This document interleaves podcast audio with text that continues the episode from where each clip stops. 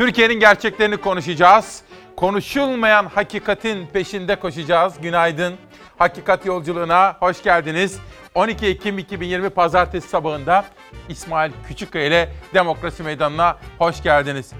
Baştan söyleyeyim, müthiş bir gün, müthiş bir hafta bizi bekliyor. Ve büyük bir iştahla başlamalıyız yeni güne ve yeni haftaya. Yeni gün ve yeni hafta bize hangi sürprizleri getiriyor bakacağız. Tablo değişti. Bugünkü manşetimiz tablo değişti. Koronadan yola çıkarak bulduk manşetimizi.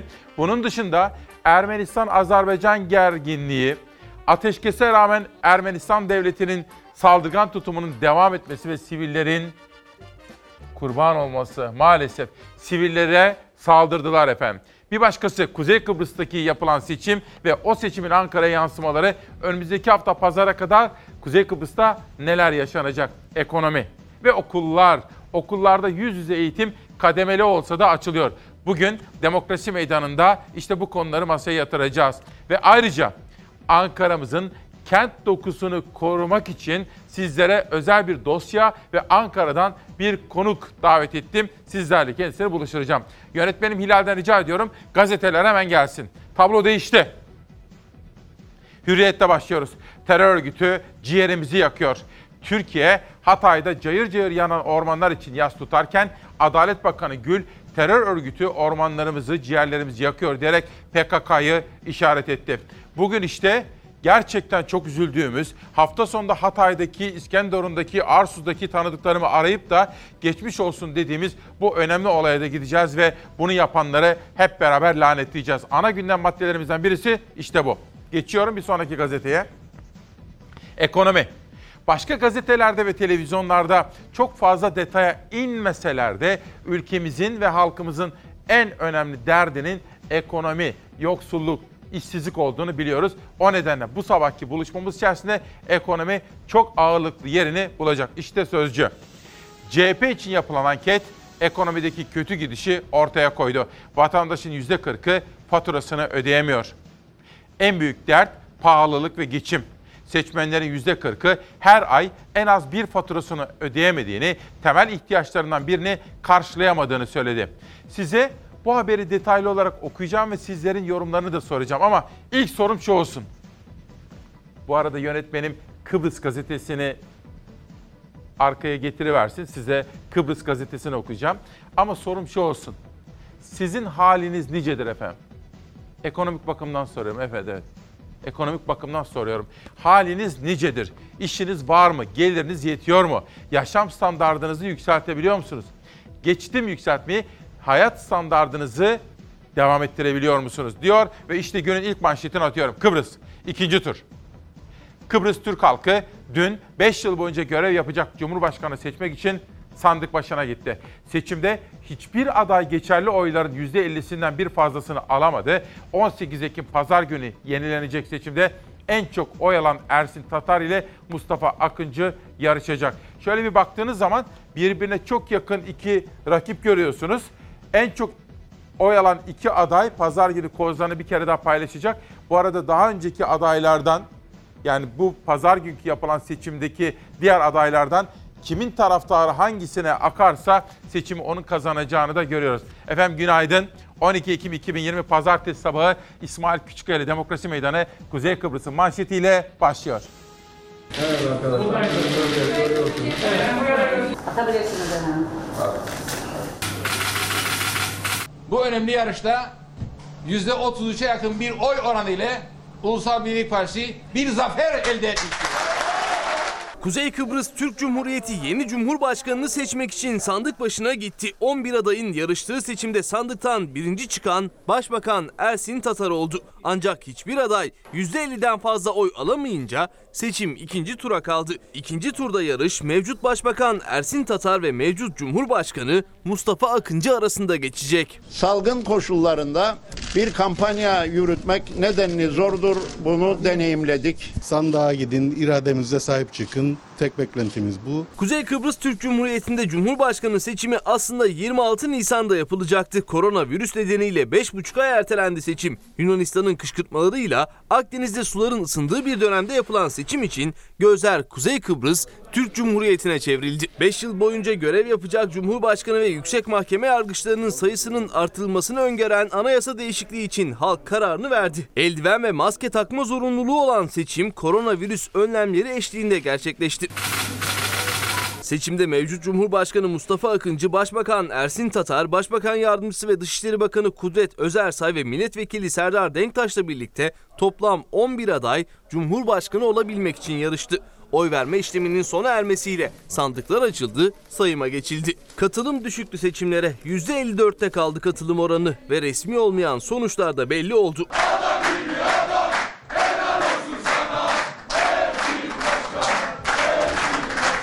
Ben inanıyorum ki ikinci turda daha fazla vatandaşımız sandığa gidip iradesini sandıkta yansıtacaktır. Henüz resmi olmayan sonuçlara göre UBP Genel Başkanı ve Başbakan Ersin Tatar %32,3 oyla yarışı önde tamamladı. Tatar'ı %29,8 ile mevcut Cumhurbaşkanı Mustafa Akıncı izledi. İlk turda hiçbir aday %50 artı bir oy alamadı. O yüzden seçim ikinci tura kaldı. Bu pazar günü yapılacak olan ikinci tur seçimlerinde en yüksek oyu alan Tatar ve Akıncı yarışacak. İnanıyorum ki 18 Ekim'de gerçek zafer bizde olacak. Seçimde bir de anayasa değişikliği oylandı. Kuzey Kıbrıs Türk Cumhuriyeti halkı yüksek mahkemedeki yargıç sayısını 8'den 16'ya çıkaran anayasa değişikliğine hayır dedi. Geçerli Ersin Tatar Ulusal Birlik Partisi. Hafta boyu bu konuyu takip edeceğiz. Bu haberi de Zafer Söken hazırladı. Bütün hafta ve pazara kadar Kuzey Kıbrıs'taki seçime dair nabzı sizlere tutacağım. Bir de dün Dünya Kız Çocukları Günü'ydü. Çok özel etkinlikler vardı. Sizlere bugün Dünya Kız Çocukları etkinliğinden haberleri de, manşetleri de, en son haberleri de aktarma imkanı bulacağım. Ve koronavirüs. İşte bugün tablo değişti dedik. Etiketimi de Nihal Kemaloğlu'ndan aldım danışmanımdan. Çünkü Fox'un haberleri dedi günlerdir ortaya çıkan tabloyu değiştirdi. Gerçekten Fox'un ısrarlı, özenli, dikkatli haberciliği, haber takipteki üstünlüğü meyvesini verdi. Ve Sağlık Bakanlığı çok açık ve net bir şekilde hastaları da vakaları da semptom yani belirti gösterenleri de göstermeyenleri de tabloyla açıklamaya başlayacak. O nedenle biz bu sabah tablo değişti manşetini uygun gördük efendim. İşte manşet. 15 Ekim'den itibaren bütün korona vaka sayıları açıklanacak. Burada tabii Fox'un gerçekten bir kamu yararına haberciliği ses getirdi ve Fox'un haberciliğine bir teşekkür etmemiz gerekiyor hepimizin. Sağlık Bakanı Fahrettin Koca tartışmalı koronavirüs gündemine ilişkin 15 Ekim'den sonra semptomsuz vaka sayılarını da günlük koronavirüs tablosunda paylaşacaklarını açıkladı. Aslında doğrusu buydu. Çünkü neydi? Demokrasi neydi efendim?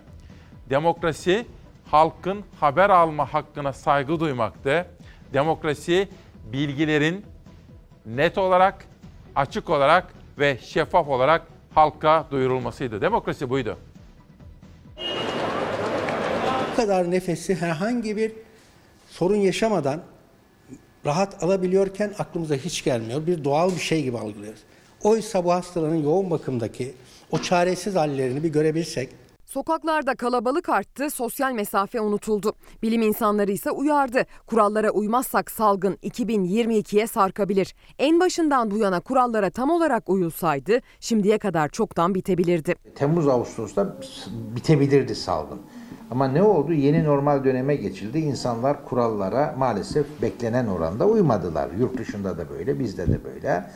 Şimdiki rakamlara göre ise önümüzdeki Temmuz Ağustos'a kadar e, bu salgın e, devam edecek. Hatta Eylül'e kadar devam edecek e, gözüküyor.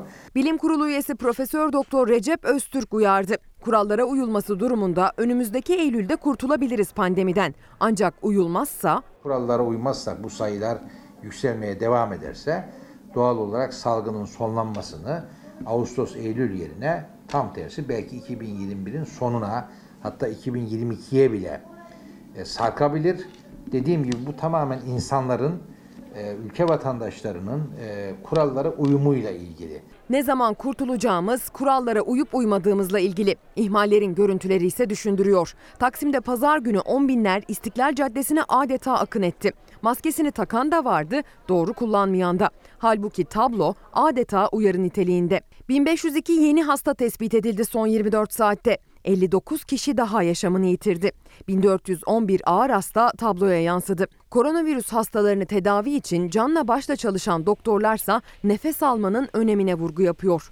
Daha önce farkında olmadıkları o bir nefesin kıymetinin ne olduğunu orada cihaza rağmen bakın üstüne basarak söylüyorum. Biz bunu cihazlara bağlıyoruz. Cihaza rağmen nefesin yetmediği, yetersiz kaldığı, çaresiz bakışlarla bize baktıkları anlara çok şahit olduk. O çaresiz durumlara en yakın şahit olanlardan biri Düzce Üniversitesi Sağlık Araştırma ve Uygulama Merkezi Başhekimi Profesör Doktor Öner Abidin Balbay, maske, mesafe ve el temizliği kurallarının içselleştirilmesi gerektiğini söylüyor. Kuralları hiçe sayanlarsa yurtlarda misafir ediliyor. Onlardan biri de Suriyeli öğrenci Ossama Kadı. Birisiyle temas etmişim. Gaziantep'e giderken e, beni temasla e, tuttular ve polise gittim. Buraya gönderdiler beni. İzolasyon kurallarına uymayan yahut da e, konaklama imkanı bulunmayan kişileri misafir etmekteyiz. Karantina edilen izolasyon kurallarına uymayanlar yurtlarda. Samsun'da toplam 62 kişi yurtta kalıyor. Koronaya dair en son gelişmeleri de Ezgi Gözeger haberleştirdi efendim. Bu arada İsmail abi günaydın ben okula gitmek üzere hazırlandım diyor. Mert İzmir'den Mert, Mert Türk'te hem de doğum gününü kutluyor. 14 yaşına bastı. Çocuklarımız kademeli de olsa yüz yüze eğitime geçiyorlar. Ama acaba gereken bütün önlemleri aldık mı? İşte bu sabah bunu da soracağız. Ve Ankara Mimar Odası Başkanı geliyor biraz sonra. Sizlerle buluşturacağım kendisini. Çünkü hakkımızı, hukukumuzu, kentlerimizi korumak için muazzam bir demokrasi mücadelesi veriyor hukuk önünde hukukla birlikte böyle bir mücadeleyi veriyor. Ankara Mimarlar Odası da bugün demokrasi meydanına katılacak. Benim halim böyleyse benden daha kötü durumda olanları düşünemiyorum bile diyen Perihan Basmacı. Allah herkesin yardımcısı olsun demiş efendim. Yaşadığımız zor günlerde ekonomiye dair duyarlılık sergilemeye çalışıyor. Sıra geldi bir güne. Mümin acıyı bal eylesin, yandaş parayı istiflesin. Nurcan Gökdemir, Bir Gün Gazetesi'nin Ankara temsilcisi. Müteahhitler Bakanlığa lüks arabalar almış. Yandaş müteahhitler Ulaştırma Bakanlığı'na 25'i lüks olmak üzere 96 araç aldı. Yüzlerce personeli yurt dışı gezilerine gönderdi. Müteahhitlerin bu harcamaları ekleyerek teklif hazırladığını, bu nedenle de yükün devletin üzerine kaldığına dikkat çeken Sayıştay, bakanlığa etik kuralları hatırlattı. Sayıştay, pazarlık yöntemiyle yapılan ve belli şirketlere peşkeş çekildiği iddialarına konu olan ihalelerdeki etik dışı uygulamalarla ilgili önemli tespitlerde bulundu. Kolin, Makyol, İçtaş, Kalyon gibi büyük kamu ihalelerin çoğunluğunu alan bildik şirketler Ulaştırma ve Altyapı Bakanlığı'na 25'i lüks, 96 araç ile cep telefonları, bilgisayarlar, televizyonlar verdi. Yüzlerce personeli de yurt dışı ve yurt içi gezilere gönderdi.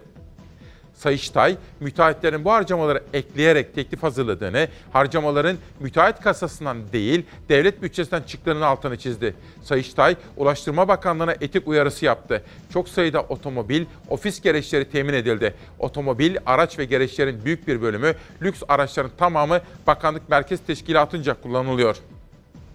Araç ve gereçler sözleşmesi yapılan işin iflasından ziyade merkez teşkilatın ihtiyaçlarının teminine yöneliktir. Bakın bu da son derece çarpıcı bir haber. Nurcan Gökdemir imzası taşıyor. Hafta sonunda çok çarpıcı bir haber vardı. Sahte alkolden yaşamını yitiren vatandaşlarımızın sayısını merak ediyor musunuz efendim? Bir tahminde bulunur musunuz? Mesela sadece İzmir'de veya toplamda kaçtır? İzleyelim. İzmir'de sahte içkiden hayatını kaybedenlerin sayısı artıyor. Can kaybı 11'e yükseldi. Yaşanan ölümler üzerine Konak İlçe Emniyet Müdürlüğü ekipleri harekete geçti. Piyasaya sürülmek üzere 6 ton sahte içki ele geçirildi. İki gün önce Kırıkkale'de 7 kişinin sahte içkiden öldüğü haberi geldi. Ardından İzmir'de 5 farklı ilçede alkol zehirlenmesi sebebiyle hastaneye kaldırılanlar oldu. Yoğun bakımda yaşam savaşı veren 5 kişi daha hayatını kaybetti. Can kaybı 11'e yükseldi. Kırıkkale ve İzmir'de 18 kişi sahte içki yüzünden hayata gözlerini yumdu. Kaçak içki lütfen içmeyin yani. Değmez yani gerek yok. İzmir'in Bucak ve Konak ilçesinde emniyet güçleri harekete geçti. Ekipler Konak'ta 6 ton sahte içki ele geçirdi. Buca ilçesinde yapılan operasyonda ise 1 ton sahte içki bulundu. İzmir Konak'ta bir deponun kapısının açık olması sonucu hırsızlık ihbarı yapıldı. Ekipler içeri girdiğinde deponun üst katında bidonlara doldurulmuş çok sayıda sahte içki tespit etti. Bunlardan 2500 litresi satışa hazır haldeyken ele geçirildi. Yaşanacak daha fazla can kaybının önüne geçildi. Buca ilçesinde ise bir büfeye baskın yapıldı. Ekipler burada da bir ton sahte içki tespit etti. Soruşturma kapsamında İzmir genelinde ondan fazla kişinin gözaltına alındığı belirtildi. Vergilerin çok yüksek olması nedeniyle vatandaşlarımız sahte içkinin kucağına itilirken devletimizde maddi anlamda büyük bir zarara uğramaktadır. Sadece özel tüketim vergisi kaybının 2019 yılında 1,56 milyar TL olduğu tespit edilmiş. Hastaneye başvuranların şikayetleri ortaktı. Mide bulantısı, görme kaybı, zehirlenmeler gözleri etil alkol satışına çevirdi. CHP milletvekili Murat Emir, alkol zehirlenmelerinin halk sağlığı sorunu haline geldiği ve bunun altında alkollü içkileri getirilen yüksek vergilerin yattığını iddia etti. Alkol çok pahalı. Evlerinde alkol yapıyorlar. Metil alkol zehirlenmesi dediğimiz durumlar olabiliyor. Toplum sağlığı sorunu olarak karşımızda duruyor. Vergi reformuna ciddi olarak ihtiyacımız var efendim. Türkiye çok ciddi bir eğitim reformuna, çok ciddi bir yargı reformuna, bir de vergi reformuna ihtiyacı var. Vergide reform ne demek? Şu. Çok kazanandan çok, az kazanandan az. Yani adaletli bir vergi sistemine geçmemiz gerekiyor. Ali Tetik, tablo değişti diyorsunuz İsmail Bey. Ne oldu? Ne değişti? Ben KYK'lıyım. KYK'lıyım. Haksızlığa uğrayan benim için değişen bir şey yok. Ali Tetik. Esin Hanım hafta sonunda sizi Habertürk'te izledik diyor. Çok teşekkür ediyorum. Kübra Par'ın programındaydık. Çok izlenmiş program. Gösterdiğiniz ilgiye çok teşekkür ediyorum. Sıra geldi Cumhuriyet'e. Tekrar etmek isterim. Ankara'da başta Atatürk Orman Çiftliği olmak üzere Saraçoğlu Mahallesi ki bu sabah Çiğdem Toker Sözcü'de onu yazmış.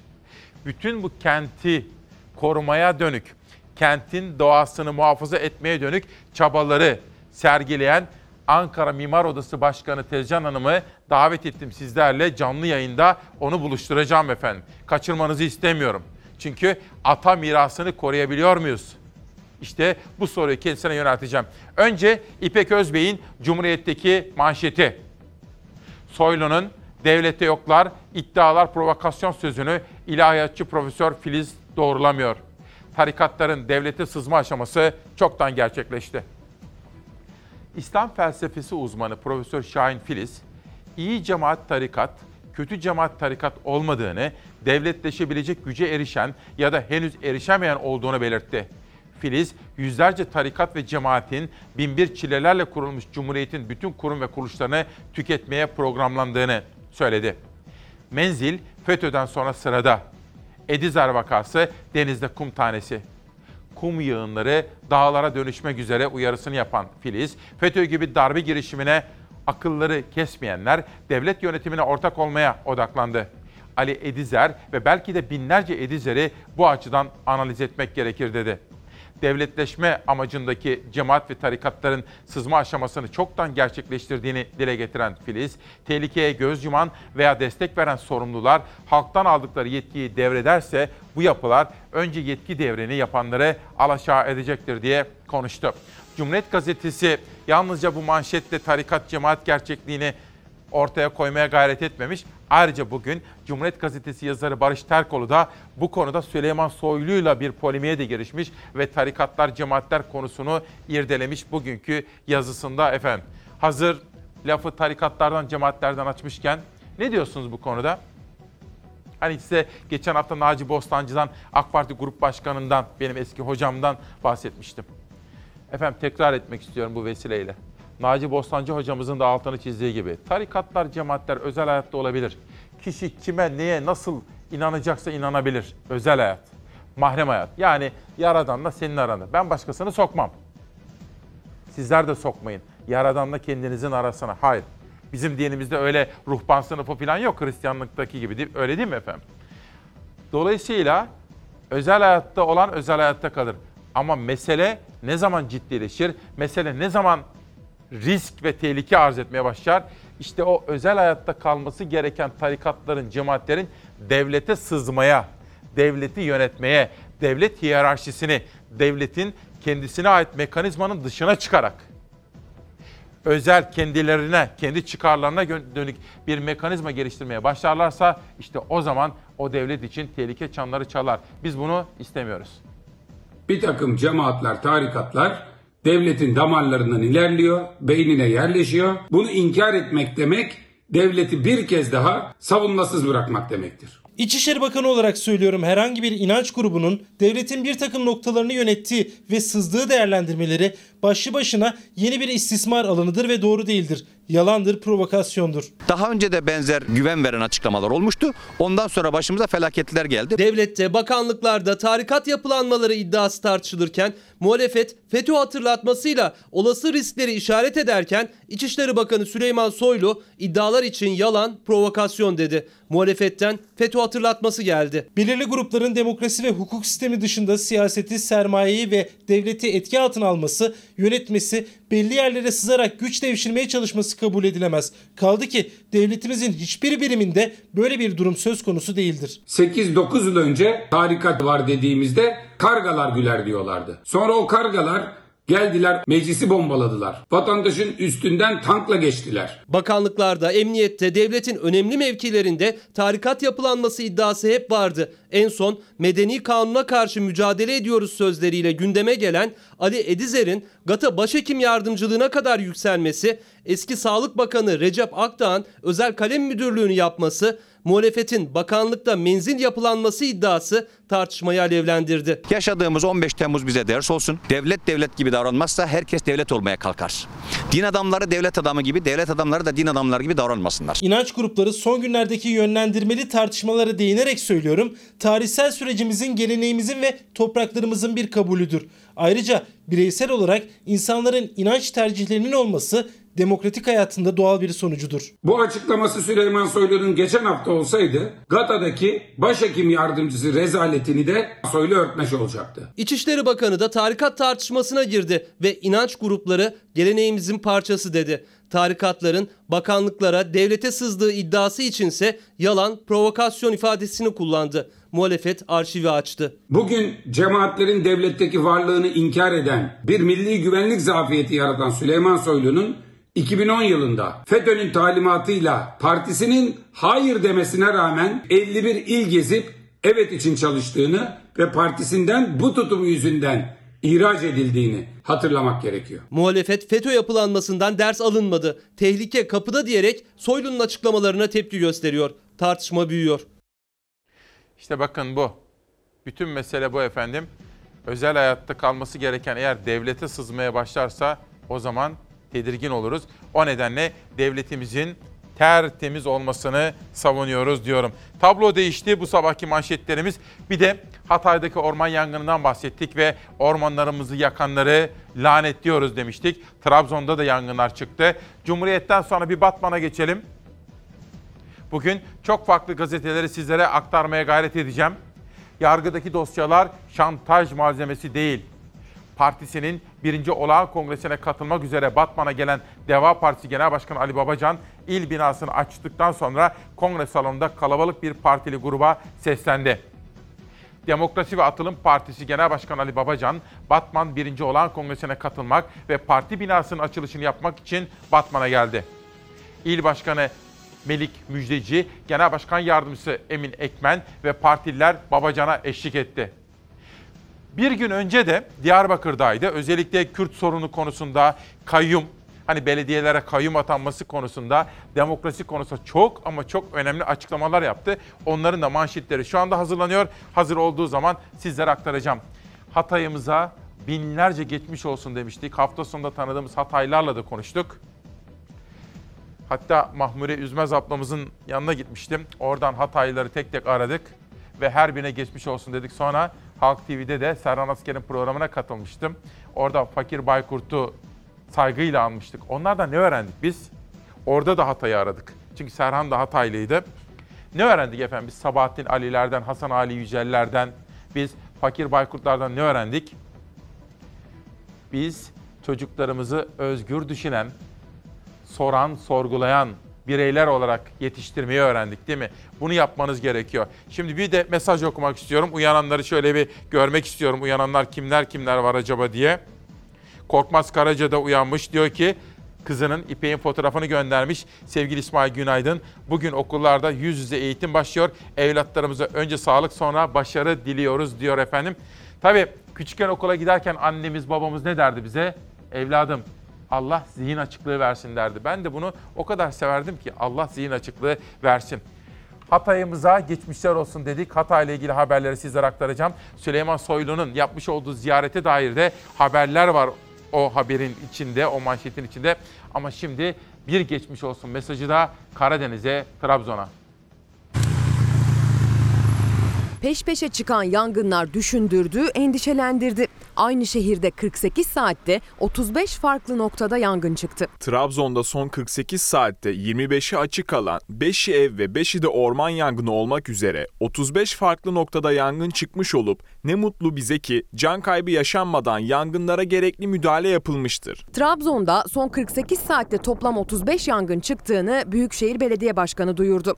Hatay'da çıkan ve 33 saat süren yangından sonra gözler yurttan gelen yangın haberlerine çevrildi. Trabzon'da son olarak örtü yangını çıktı. Ortahisar ilçesine bağlı Akyazı mahallesinde geçtiğimiz gece çıkan örtü yangınında zarar gören alan gün ağrınca çıktı ortaya. Neyse ki Akyazı'daki örtü yangını da son 48 saatte çıkan 35 yangın da kimsenin canına malına zarar gelmeden söndürüldü. Yangınların çıkış sebeplerinin ise genellikle piknik ve tarımsal alan temizliği olduğunu söyledi Başkan Zorluoğlu. Mevsim şartları sıcak, yağışsız ve rüzgarlı geçmektedir. Bu nedenle hiçbir gerekçeyle kuru ot, çalı gibi yanıcı maddelerin açık alanda ve etrafa sirayet edecek yerlerde yakılmamasını, sigara gibi yakıcı maddelerin yerlere atılmamasını istirham ediyorum. İnanın böyle her biri ağlamaklıydı.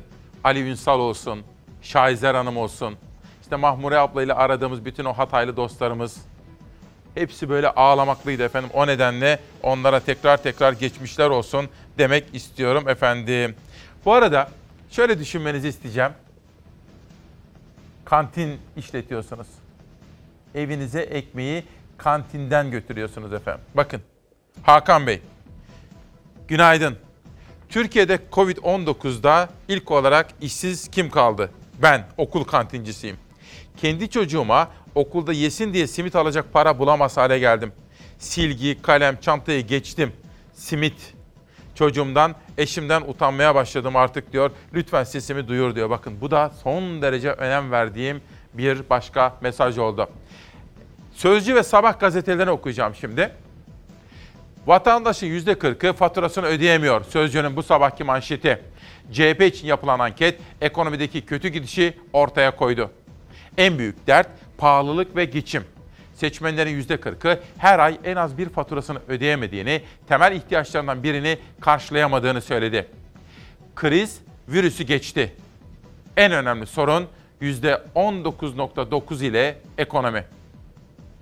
Her iki seçmenden biri evde en az bir kişinin iş aradığını dile getiriyor. Seçmenlerin üçte ikisi geçen yıla göre gelirinin düştüğünü söylüyor. Yönetim kötü.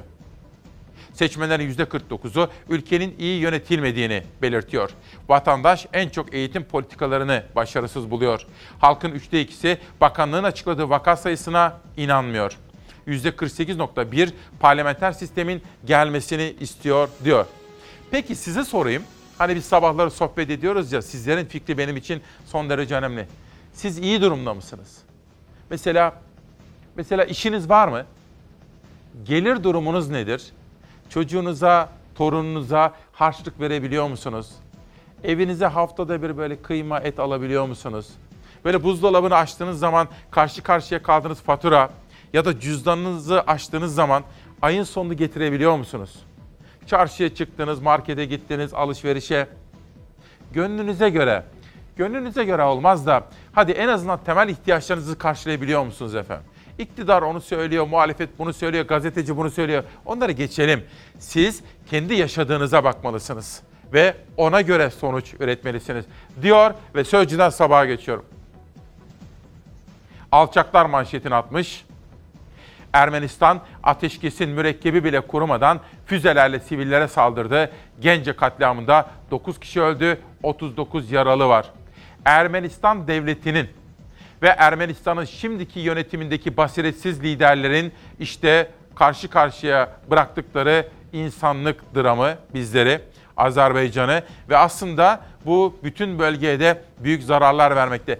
Benzeri bir manşetini bu sabah da yine Türk Gün Gazetesi bu konuda atmış. Az evvel sizlere bir mesaj okumuştum. Hani demiştik ya çocuklarımıza zihin açıklığı diliyoruz demiştik. Sıra geldi eğitim haberine. İstiyor musunuz gitmek okula? Evet, evet, çok özledik. ben. Mecbur yapacak başka bir şansımız yok yani. Evde kendimiz de eğitemeyeceğimiz için maalesef korka korka göndereceğiz. Arkadaşlarımı ve öğretmenlerimi özledim tabii ki. Okul ortamını özledim. Yani daha çok ders çalışmayı özledim açıkçası. Beğendin mi? Güzel oldu mu? Evet. Heyecanlı mısın okula gideceğin için? Evet. Başka ne alacaksınız? Uzun kol alacağız. Pantolon. Öğrenciler heyecanlı, velilerse endişeli. Okul öncesi ve birinci sınıflar yüz yüze eğitime başlamıştı zaten. Şimdi sıra 2, 3, 4, 8 ve 12. sınıflarla köy okullarının tüm kademelerinde. Uzun süren molalarının ardından pazartesi gününden itibaren haftada 2 gün ders zili onlar için çalacak. Koruyabilecek misiniz kendinizi? Ben eminim biraz. Teneffüsten sonra biz ellerimizi kolonyalayacağız. Çünkü bir, bir metre insanlardan uzak duracağız. Se- sarılmak yok sadece selamlaşacaksınız. Okulların açılmasına bir gün kala son hazırlıklar da tamamlandı. Çocuklar sadece haftanın iki günü okula gidecek, sınırlı sayıda derse girecek ama buna rağmen veliler endişeli. Çocuklar tabii ki maskeyi alacaklar ama oldu da bir tane maske düştü. Yedeği yok. En azından orada bir yedek, maske verilebilir, dezenfektan verilebilir.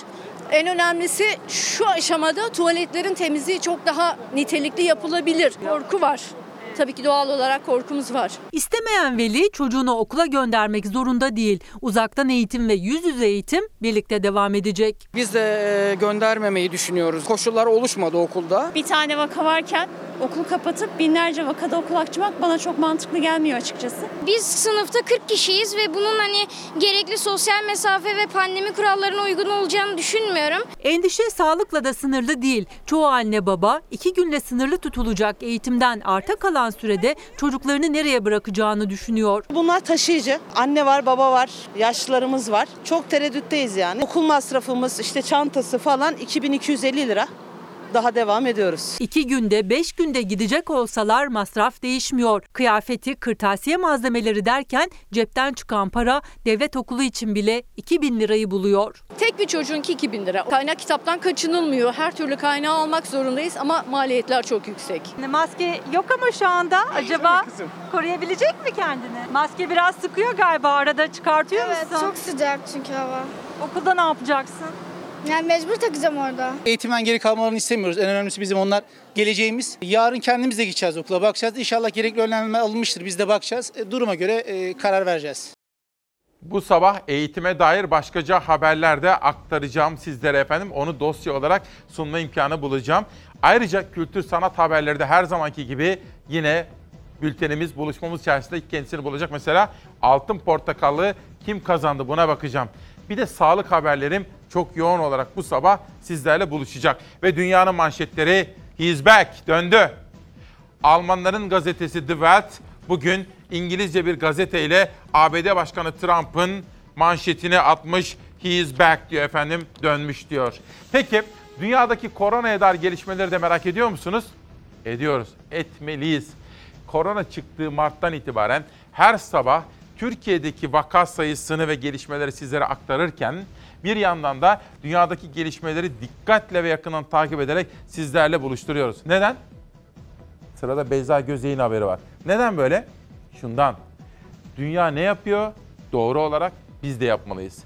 Dünya hangi yanlış yapıyor? Ondan sakınmalıyız. İşte dünyada yaşananların en son bilançosu.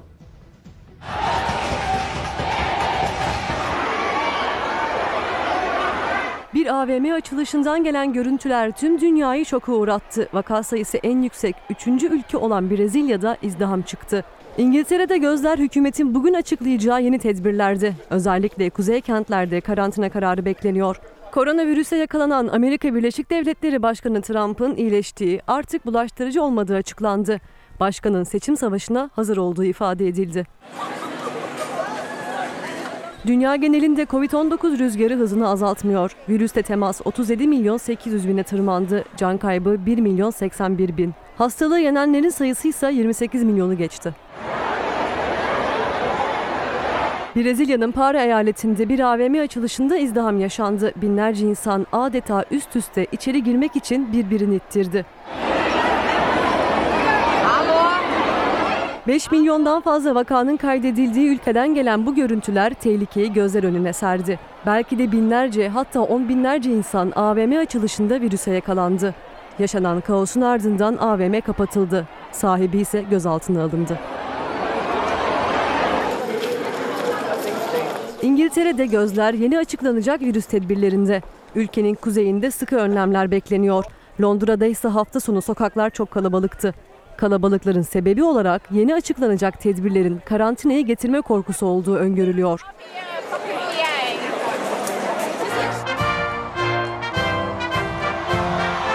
İki hafta önce koronavirüse yakalanan Trump'ın sağlığına kavuştuğu açıklandı. Beyaz Saray'dan gelen açıklamada başkanın artık bulaştırıcı olmadığı ifade edildi.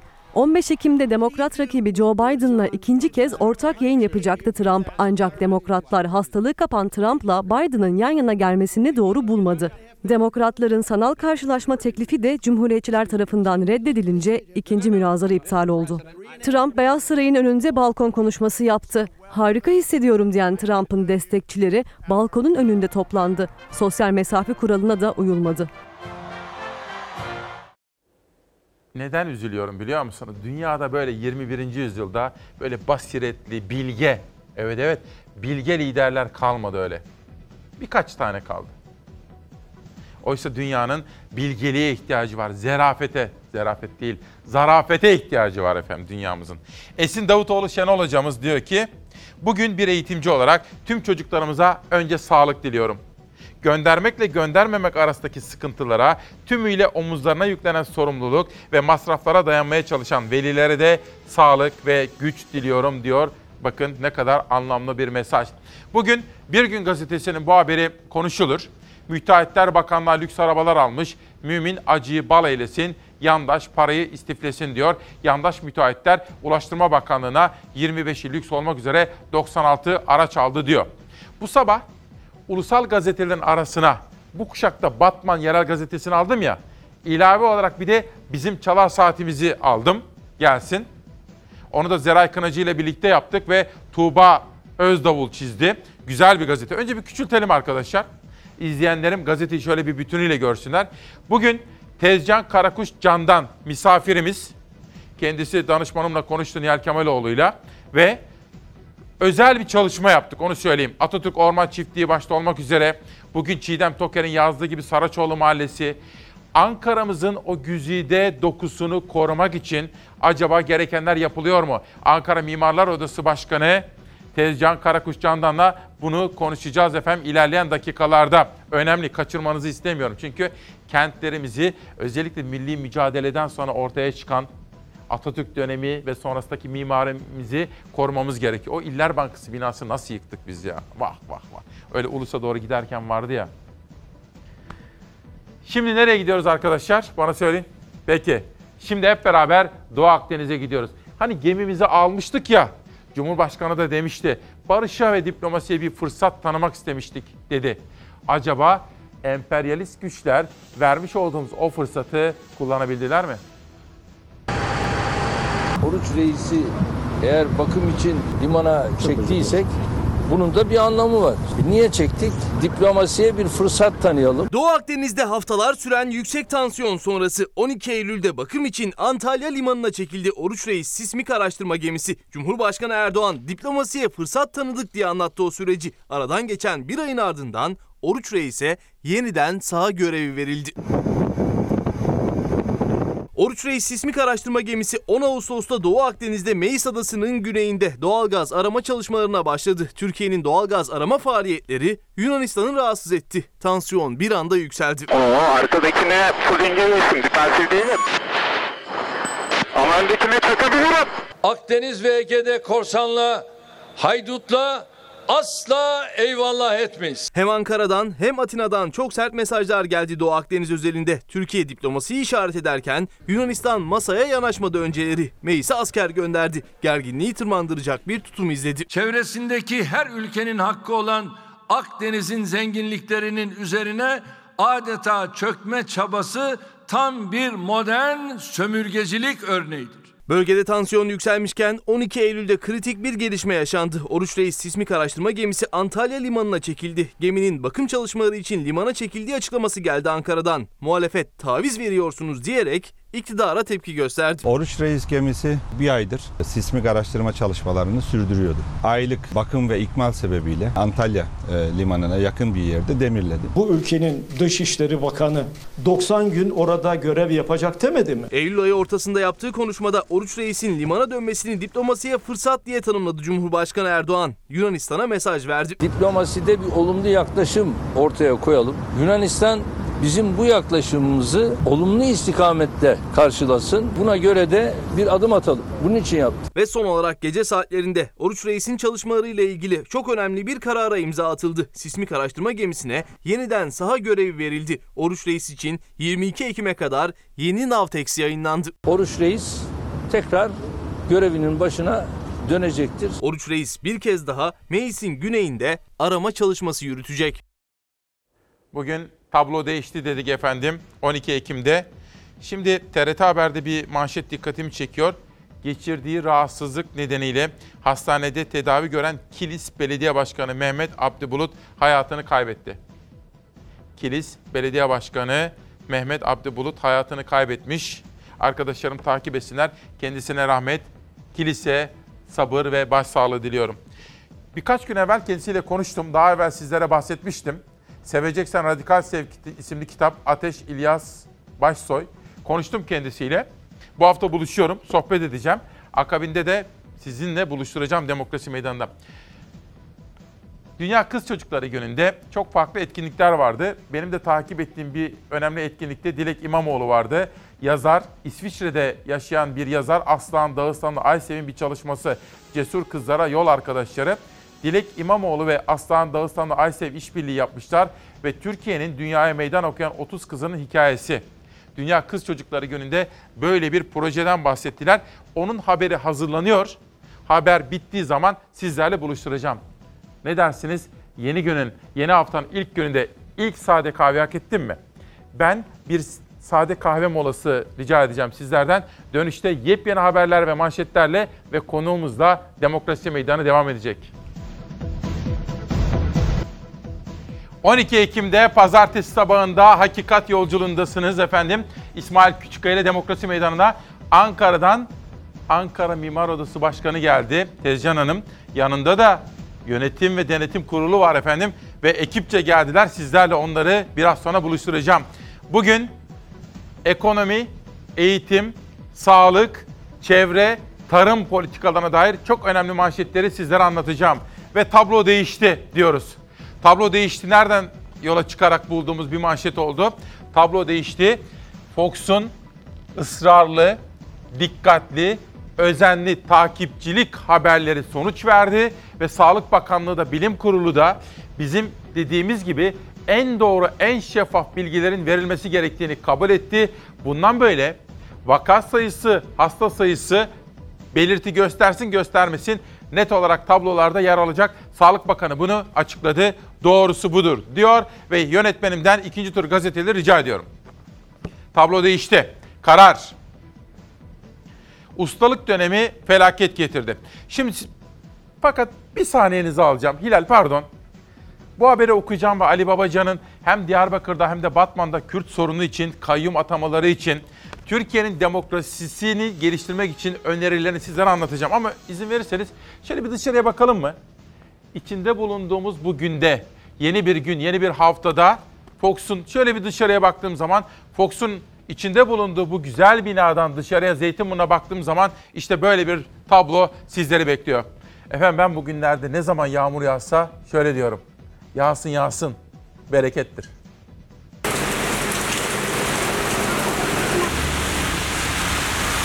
Sıcaklıklar batıda sonbahar normallerine düştü. Sonbahar yağmurları ise olması gerektiğinden az ama etkisini göstermeye başladı.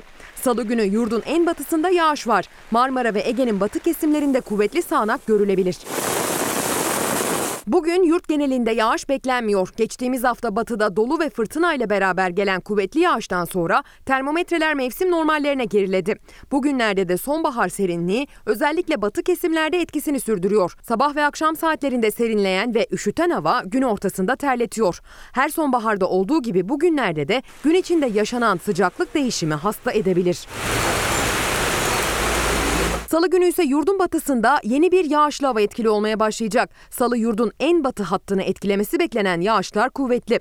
Marmara'nın en batısında ve Ege kıyılarında kuvvetli sağanağa dikkat. Yağmur taşıyan bulutlar İstanbul'a zamanla yaklaşacak ancak yükünü azaltarak ilerleyecek. İstanbul'da da aralıklarla yağış geçişleri görülme ihtimali var. Ege ve Marmara'nın tamamında fırtına da bekleniyor salı günü. En batı illerde kuvvetli sağanak sırasında fırtına da kuvvetini arttırabilir, tedbirli olunmalı. Çarşamba günü de batıda yağışlı hava etkisini sürdürüyor. Ege ve Marmara'da salı gününe göre daha hafif yağış geçişleri bekleniyor çarşamba. Salı çarşamba batıda yağış ihtimaliyle kapanan hava hissedilen sıcaklıkları da düşürüyor. Yurdun iç ve doğu kesimlerinde ise sıcaklıklarda bir değişiklik yok. Hava sıcak, termometre değerleri iç ve doğu kesimlerde normallerin üzerinde seyrediyor. Tablo değişti dedik efendim. Sağlıktan da önemli dosya haberleri sizlerle birlikte olacak. Bugün 12 Ekim'de doğum günü kutlayan Çalarsat ailesinden Seda Erdem de bugün bizimle birlikte efendim. Seda Erdem'in de 12 Ekim'de doğum günü kutlayan bütün Çalarsat ailesinin de içtenlikle sağlıklı bir ömür geçirmesini diliyorum. Karar Gazetesi bugün manşette İbrahim Kahveci imzalı bir habere ve bu haberle ilgili manşetlere yer vermiş. Ustalık dönemi felaket getirdi diyor Ali Babacan. Deva Partisi Genel Başkanı Babacan, hükümetin özgürlükler ve demokrasiye yönelik yaklaşımını, dışarıdaki ilkesel tutumu kendi vatandaşımıza gelince göremiyoruz. İçeriye dönünce şapkalar değişiyor sözleriyle hedefe koydu. Cumhurbaşkanı Erdoğan'a sert eleştiriler yöneltti Babacan. Ustalık dönemi iyi olmadı. Üç dönem kuralını boşuna koymadık. Süreler uzayınca ilkeler değil kişisel tutumlar ön plana çıkıyor.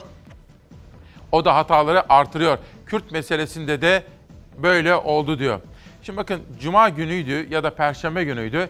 Karar Gazetesi tabii bütün gazeteleri sizlere aktarmaya çalışıyorum ben. Ama Karar Gazetesi'ni de önemsiyorum. Fakat ikidir böyle birinci sayfada hatalar yapılıyor. Bunu demek ki gazeteyi yöneten arkadaşlarımız birazcık daha özenli, biraz daha dikkat etmesi gerekiyor. Bakın süreler uzayınca ilkeler değil kişisel tutumlar ön plana çakıyor çıkıyor olması. Ya tasihtir ama birinci sayfada olunca insan üzülür. Çünkü Karar Gazetesi gazetelerin ne kadar zor çıktığını, binbir emekle yayına hazırlandığını bilmekteyim. Hele içinde bulunduğumuz bu dönemde. Ama yine de birazcık daha dikkat ederlerse, özenli olurlarsa birinci sayfada tasih hatası olmaması gerekir diyorum. Neyse bunu bir tarafa bırakalım. Ali Babacan hafta sonunda Doğu ve Güneydoğu'daydı. Partisinin teşkilatlanma çalışmalarını ve kongre süreçlerini yürütüyor ve özellikle iktidara Kürt sorunu konusunda belediyelere kayyum ataması konusunda çok ciddi eleştirileri var Ali Babacan'ın. Doğru bir, adalet bir, hak bir, hukuk bir. Bizim yargımız bağımsız ve tarafsız olmak zorunda. Biz insan onurunun her şeyin üstünde tutulması gerektiğini savunuyoruz. Tam 6 sene önce gerçekleşen Kobani olayları var biliyorsunuz. 2014 yılında yaşandı. Tam 53 kişi hayatını kaybetti. Tabii ki gereği yapılacak. Tabii ki olay aydınlatmak için çalışılacak. Ama yargıdaki dosyaların da ülkeyi yönetenlerin elinde işlerine gelince rafa kaldırılıp ihtiyaç duyduklarında raftan indirilip kullanacakları baskı ve şantaj malzemesi olarak kabul edilmesi de mümkün değil. Bu iş oyuncak değil. Talimat geliyor, bekletin dosyaları. Talimat geliyor, ha tamam şimdi ortam uygun. Önümüzdeki takvimde belli. Çıkarın dosyaları, gerekli işleri yapın. Ne var ne yoksa yapın. Bir ülkenin yargısı böyle işleyemez. Hele hele burada arkadaşlar bakın seçilmiş siyasetçilerden bahsediyoruz. Seçimle iş başına gelmiş belediye başkanlarından bahsediyoruz. Hatta Türkiye Büyük Millet Meclisi'nde görev yapmış veya yapan seçilmiş insanlardan bahsediyoruz. O seçilmişlerin arkasında halkın iradesi var, seçmen iradesi var. Bunu yok sayarak, hiçe sayarak bir adım atamazsınız.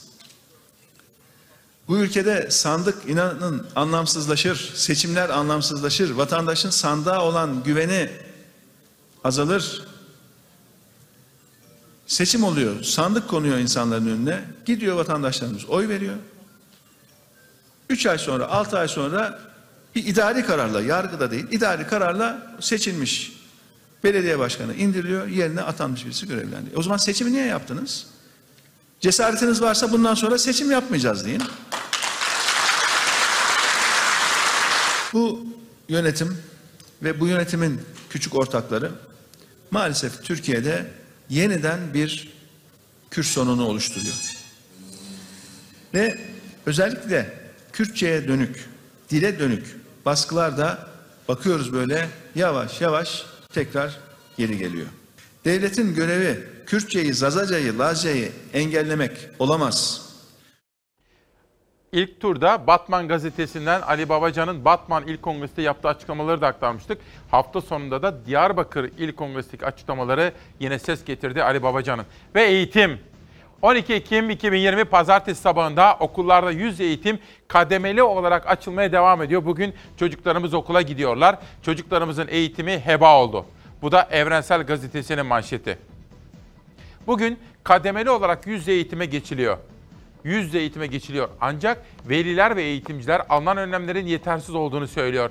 Ali Ağa'da konuştuğumuz kadınlar çocuklarımızın eğitimi heba oldu diyor ve çocuklarla ilgili kaygılarını Evrensel Gazetesi'nin muhabir ve editörlerine aktarmışlar. O da bugün birinci sayfada yer bulmuş. Çocuklarımıza önce sağlık ve aynı zamanda zihin açıklığı diliyoruz. Aynı sınıfı paylaşan çocuklardan birisi pozitif bulunduğunda herkesin yakın temaslı kabul edilmesi lazım. Maskeli de olsa yakın temaslı sayılması lazım. Bizde çıkan o rehberde maskeli ise yakın temaslı sayılmaz durumu var. Bu kabul edilebilir bir şey değil. Okullar kalabalıklaşıyor, virüsün yayılma riski artıyor. En çok merak edilense sınıfta koronavirüse yakalanan olursa nasıl bir önlem alınacağı. Sağlık Bakanlığı'nın salgın yönetimi rehberine göre sınıftaki diğer öğrencilerin maskelerini düzgün takıp takmadığına bakılacak. Herkes maskesini takıyorsa eğitim aynı şekilde devam edecek. Maske kullanımında aksaklık varsa o sınıftaki öğrenciler evlerinde karantinaya alınacak. Maskenin o yaş grubu çocuklarda etkin ve doğru kullanılabilme potansiyeli düşük. Sağlık Bakanlığı'nın hazırladığı rehbere göre öğrencilerin maske takması şart. Ancak özellikle küçük çocuklarda bu disiplin nasıl sağlanacak? Veliler endişeli. Öğrenciler sınıfta maske taksa bile tuvalette ya da bahçede takmaya devam edecek mi? Belli değil. O saatlerin hepsini kontrol edemeyeceğimiz için hepsini temaslı kabul ederek baş edebiliriz ancak. Rehbere göre öyle olmayacak. Eğer sınıftaki bir öğrencide koronavirüs tespit edilirse ilk bakılacak olan maske kullanımı olacak. Maske düzgün kullanılmıyorsa çocuklar yakın temaslı sayılacak. Yakın temaslıları 14 gün karantinaya yolluyoruz. Test sonuçlarını beklemeden. Maske takılmayan sınıf okuldan izole edilecek. Ancak tüm öğrenciler ve öğretmenler maske takıyorsa sadece temaslı sayılacaklar. O sınıf okulda eğitim görmeye devam edecek. Temaslı dediğimiz zaman semptomların çıkması veya test yapılabiliyorsa test yapılarak negatif ya da pozitif bulunmasını bekliyoruz. O süre tabii ki sessiz bulaştırıcılık bakımından çok ciddi. Yani yerinde tutulacak temaslılar. Enfeksiyon hastalıkları uzmanı Profesör Doktor Esin Şenol'a göre Sağlık Bakanlığı'nın rehberindeki uygulama sessiz bulaştırıcılığın yayılmasına sebep olabilir. Oysa diğer ülkeler maske kullanımına bakmaksızın o sınıftaki öğrencilere izolasyon uyguluyor. Amerika gibi yerlere bakacak olursanız ya da İngiltere'nin regülasyonlarına bakacak olursanız okuldaki bütün temaslar temas kabul ediliyor. Uzmanlara göre rehber yeniden düzenlenmeli. Yoksa vaka sayılarının artmasından, okulların kapanmasının yeniden gündeme gelmesinden endişe ediyorlar. Toplumdaki salgın düzeyine okulların açılmasının etkisi İstanbul'da gördüğümüz gibi bir düzeye gelir ise o zaman tekrar okulların kapatılması bile gündeme gelecektir. Gelmesi gerekir ya da. Önce sağlık diyoruz efendim. Her şeyden önce sağlık diyorum. Tabii bu arada erken saatlerde size aktarma imkanı bulmuştum üzülerek. Şimdi internet haberde de görüyorum. Sabah TRT'den okumuştum. Son dakika Kilis Belediye Başkanı Mehmet Abdi Bulut hayatını kaybetti diye söylüyor. Kilis, Kilis'e buradan başsağlığı diliyorum. Belediye Başkanı da rahmet diliyorum.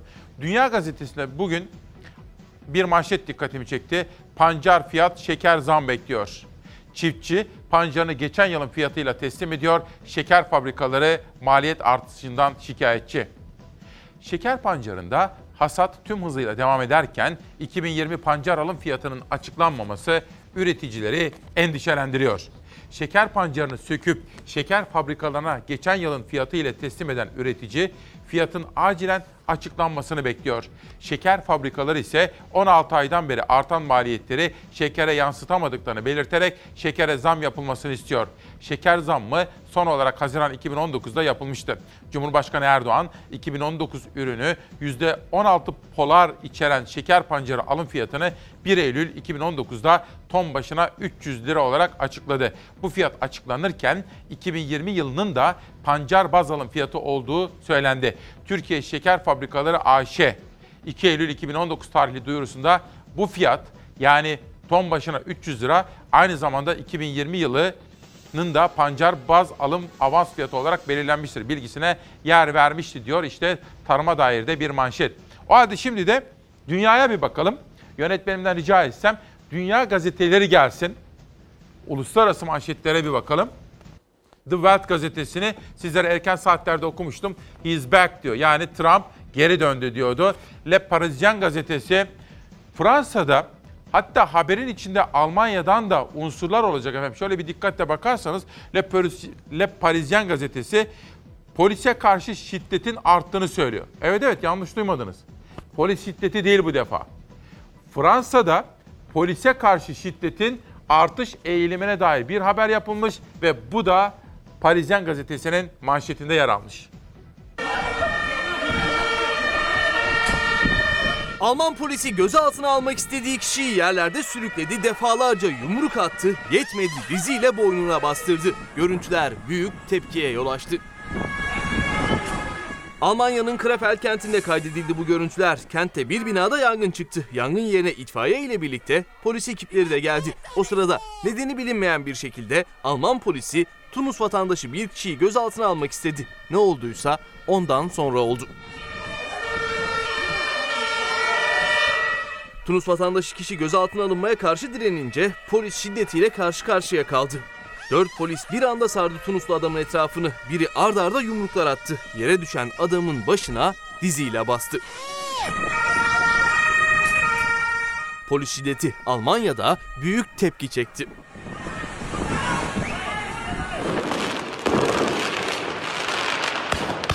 Bu görüntülerde Fransa'dan havai fişeklerle hedef alınan yerse bir polis karakolu.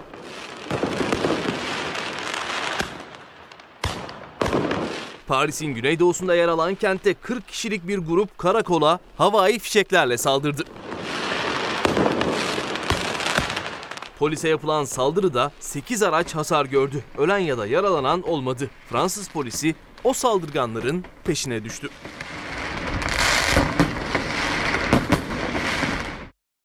Dünyadaki diğer gazete manşetlerini ve haberleri de sizlere aktaracağım. Sıra geldi yerel gazetelere Türkiye turnada hep beraber çıkalım. Tekrar etmek isterim. Dün Dünya Kız Çocukları Günü'ydü. Ona dair haberleri sizlere aktaracağım. Ayrıca Altın Portakala ve kültür sanata dair manşetlerim de var. Sağlığa dair de hazırladığımız dosyalar bu arada. Kameradaki arkadaşlarım şöyle kitapları gösteriyorlar. Gelin arkadaşlar şöyle görelim kitapları. Bakın.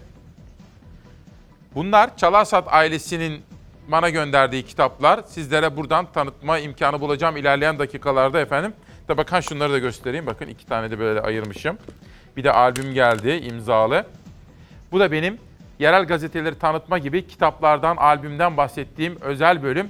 Bu da benim yine en çok sevdiğim bölümlerden birisi. Çünkü ruhumuzu da terbiye etmemiz, dilimizi ve zihnimizi zehirlerden arındırmamız gerekir. Bunun yolu nedir?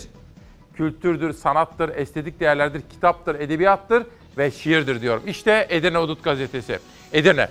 Maaşı leva ile alıyorlar. Çok çarpıcı bir haber. Yerel gazeteleri de Savaş Yıldız'la birlikte seçtik bu sabah. Gerçekten sabah konuşurken Savaş da söyledi. Abi bakar mısın habere dedi.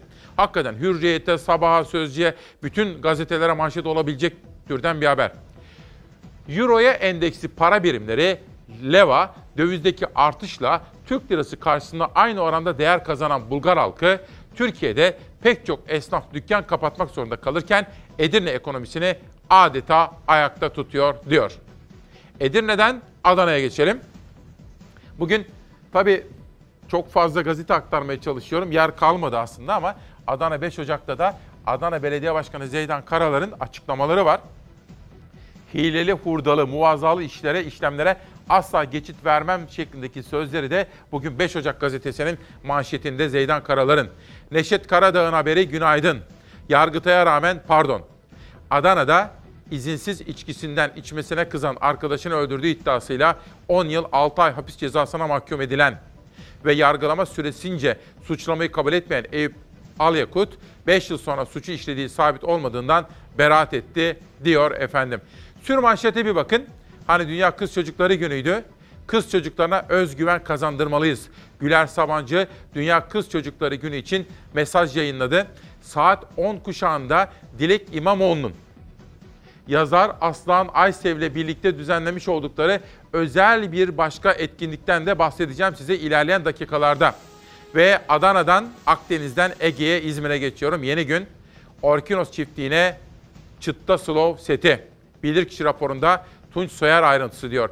Büyükşehir ve Seferihisar Belediyesi'nin açtığı davada Orkinos çiftliği için verilen çet olumlu kararına karşı gelen bilirkişi raporunda çiftliğin Çıtlaslov markasına zarar vereceği vurgulandı. Sığacık koyu defteri tamamen kapanmıştır şeklinde bir ara başlıkta dikkatimi çekiyor. Bir de Hatay. Sabah size Hürriyet gazetesinden de manşet olarak aktarmıştım. Hatay için çok üzüldüğümüzü ifade etmiştim. Bir taraf gazetesi bu sabah Hatay'ı kim yaktı manşetiyle çıkmış. Hatay Büyükşehir Belediye Başkanı Lütfü Savaş dün Belen ilçesinde ormanlık alanda başlayıp İskenderun ve Arsuz'da evlerin olduğu bölgeye sıçrayan yangının sabotaj olma ihtimalinin yüksek olduğunu söyledi. CHP'li Ali Öztunç ise bir ayda Hatay'da ikinci büyük yangın. Hatay maalesef birileri tarafından yakılıyor, sorunları bulunmalı ifadelerini kullandı efendim. Ekonomiye şöyle bir bakmak istiyorum yakından ama ormanlarımızı kim yaktıysa Allah'ından bulsun. Her türlü lanet onları bulsun. Hele hele böyle bilerek isteyerek yaktılarsa, kim yaktıysa yani dilimin ucuna kadar geliyor ama annemin küçükken söyledikleri aklıma geliyor. Beddua okumak istemiyorum. Annem hiç kimseye beddua okuma derdi ama yani dilimin ucuna kadar geliyor siz anlayın efendim. Yani lanetleyelim hep beraber. Sırada ülkemizin gerçek sorunu ekonomi var.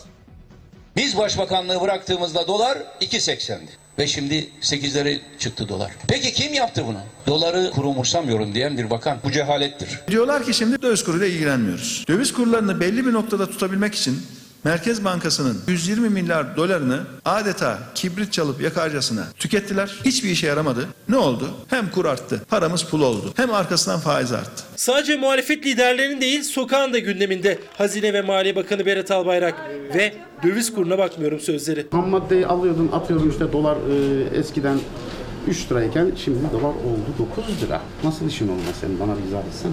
Ben ekonomist değilim ama piyasanın içinde bir insanım. Sahada hepimiz birinci sınıf ekonomist olduk. Ev kadınları en fazlası. Tencere kaynatanlar birinci sınıf ekonomist. Bugün kur çıkar, yarın iner. Dolarla mı maaş alıyorsunuz? Dövize bakmıyoruz diyorlar ya. Döviz artınca benzin artıyor, mazot artıyor, elektrik fiyatları artıyor. Siz dövize bakmıyorsunuz ama vatandaş bakıyor, görüyor. İktidarın ekonomide imser tablo çizmesini muhalefet rakamlarla eleştirdi. Davutoğlu ve Babacan ilk kongrelerinde ses yükseltirken Akşener Yozgat'ta esnaf ziyaretindeydi. Geçen sene Türkiye'nin büyüme oranı yüzde 0.9. Yüzde bir bile değil. 2019'da daha pandemi yok, salgın hastalık yok. Türkiye ekonomide pik yapıyor. Bütün Anadolu'yu dolaşıyorum. Halk çırpınıyor. Halk evine ekmek, aş götürmekte zorlanıyor Sayın Erdoğan. Ülke ekonomisi uçuyor demeyin. İşler nasıl kardeş? İşler bitik. Ne evimize ekmek götürebiliyoruz, ne sigortamızı ödeyebiliyoruz, ne kirayı ödeyebiliyoruz. Herkes perişan. 3 ay bilemedin 4 ay sonra sorgunda esnaf kalır.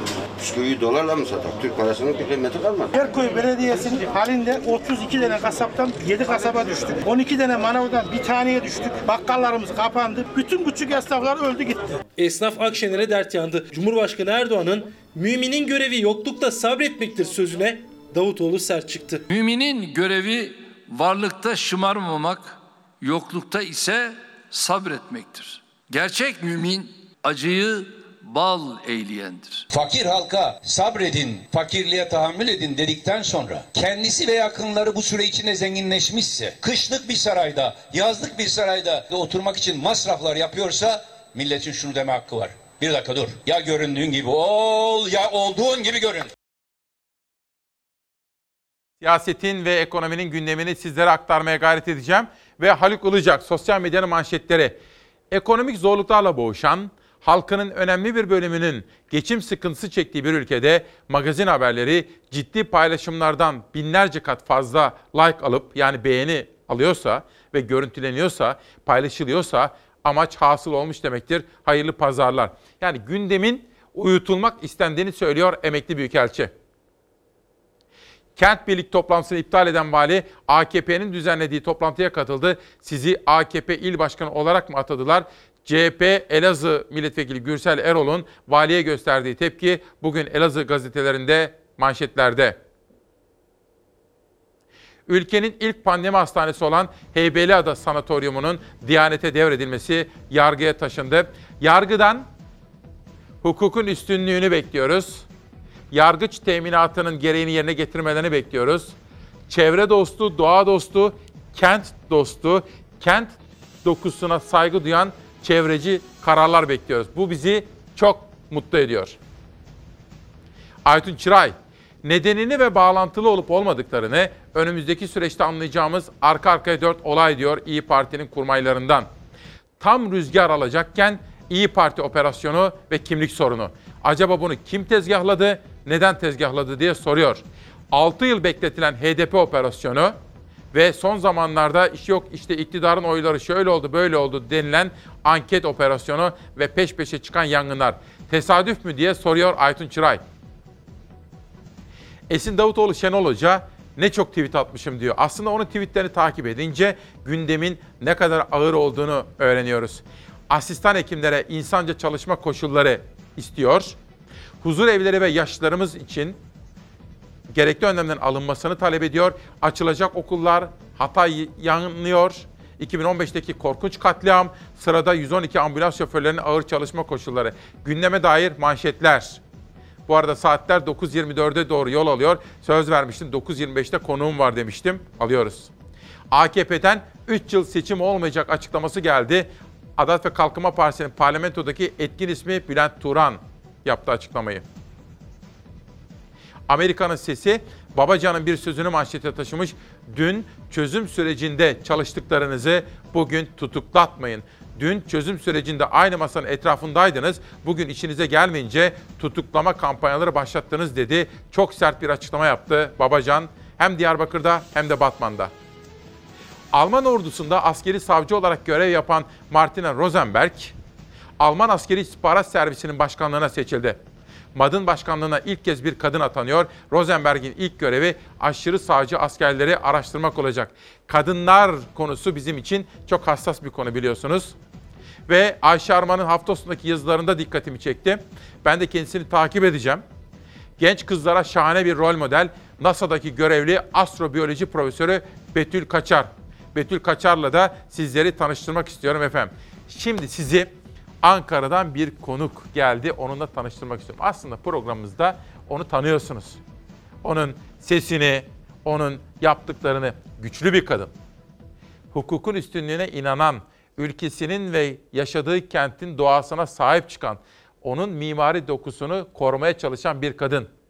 Türkiye Mimar Mühendis Odaları Birliği'nin Ankara Şube Başkanı Tezcan Hanım. Hoş geldiniz. Hoş bulduk. Nasılsınız? Teşekkürler. Önce bir başkentin oluşumu kitabını vereyim Ankara'dan doğru. Çok teşekkür ediyorum. Bir başkentin oluşumu. Avusturyalı, Alman ve İsviçreli mimarların Ankara'daki izleri. Neden bunu bana veriyorsunuz? Nedir özelliği? Ee, bu aslında e, yarın işte Ankara'nın başkent oluşumunun var. 97. yılını kutlayacağız. Alman e, mimarlar eliyle şekillendi Cumhuriyet'in ilk yıllarında. E, o açıdan çok önemli bizim için. Ortak kültürel mirasımız aslında Almanca konuşan mimarlarla bir başkentin Cumhuriyet'in ideolojisine göre nasıl şekillendiğini aslında, aslında anlatıyor. büyük atamızın da büyük Evet. dehasıdır aslında, vizyonudur değil mi? O tarihlerde Ankara'yı büyük mimarlara da teslim ediyor aslında. Büyük büyük yollar, caddeler inşa etmek istiyor öyle değil mi? Evet, evet. O dönemde tabii Almanya'da yaşanan Hitler döneminden kaynaklı bilim insanları üzerindeki e, baskının e, özgürleşme alanı haline geliyor Türkiye Cumhuriyeti.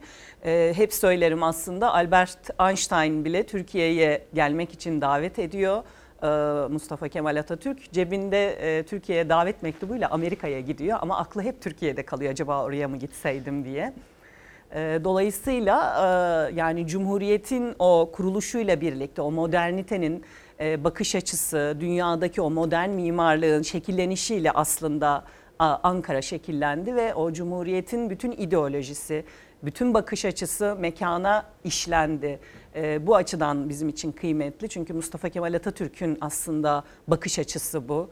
E, ileriye doğru, modern yaşama doğru bakış açısı. E, Yani bir binanın, bir yapının nasıl ekonomik olacağını bize anlatan bakışıyla modern mimarlığı getirdi. E, belki e, izleyenler açısından... Şimdi e, Atatürk Orman Çiftliği'nden bahsedeceğim mesela. Evet, evet. izleyenler açısından e, çok önemlidir. Ankara'nın sadece bir kent olarak değil, Türkiye'yi temsil eden bir e, şey olarak, başkent olarak ele alınması çok önemli. O açıdan çok teşekkür ederiz. Sayın bugün Başkan, rica ederim. Ben aslında birkaç yıl üst üste Almanya'ya gittim, Bremen'e gittim, Atatürkçü Düşünce Dernekleri Federasyonu davet etti. Sonra Köln'e gittim. Orada da aslında beni, şimdi ismini maalesef hatırlayamıyorum. Ama Türkiye'de görev yapmış, Atatürk'le de tanışmış, hizmetler vermiş bazı Almanlar vardı. Onların müze olarak yapılan evlerine de gitmiştim ama şimdi aklıma gelmedi. Ama Dursun Atılgan bana belki yazar şimdi. Bugün biz bir gazete yaptık. Bakın tarihi doku tehdit altında. Ankara'nın birinci derece kentsel sit alanı statüsüne sahip tarihi Saracoğlu Mahallesi'nde otel, otopark, kafe ve restoranların inşa edileceği inşaat projesine başlandı. Mahkeme kararlarına ve devam eden davalara rağmen yıkım ve restorasyon çalışmalarına başlanmasına tepkiler sürüyor. Burada sizin de paylaşımlarınız var. Onlara dikkat çekiyorum. Bir de ben özellikle rica ettim. Atatürk Orman Çiftliği'ni çok severiz, çok önemseriz. Hemen gazetenin altına doğru baktığım zaman Atatürk Orman Çiftliği arazisi değil dediler. Yargı halka bir kez daha gerçeği söyledi. Alan Atatürk Orman Çiftliği alanıdır. Ticaret ve konuta açılamaz diyor. Bu konuda bir videomuz var. Hazır mı arkadaşlar? Videomuzu izleyelim.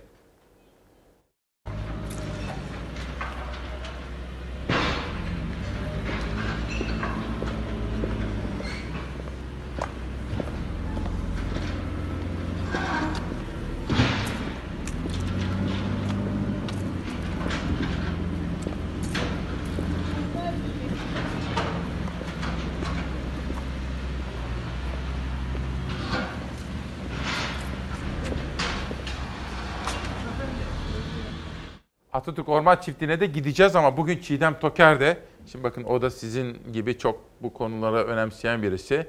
Saracoğlu'na veda. Bugün Sözcü gazetesinde böyle bir yazı yazmış. Saracoğlu. Neden önemli?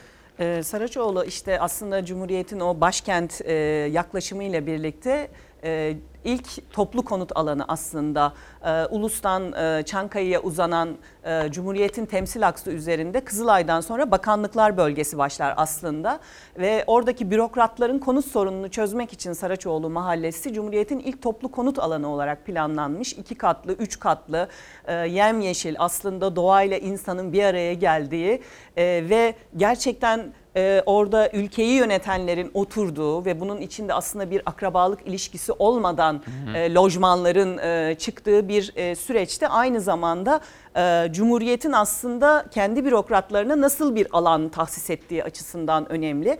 Ağaçlarıyla, binalarıyla tescilli kültür varlığı o dönemin e, gerçekten mimari bakış açısını bize ifade ettiği için e, şu anda ciddi bir e, yıkım süreciyle karşı karşıya. E, yani çok uzun süredir aslında burası yıkılacaktı, riskli alan ilan edildi, e, alışveriş merkezi yapılacaktı. Bu süreç içerisinde bizim hukuksal mücadelemiz, yargının duyarlı tavrıyla e, şu, bu aşamaya kadar geldi, yıkılmadı. Şimdi işte 7 yıl önce burası risklidir, yıkılması gereken diyen yöneticiler bu kez buranın...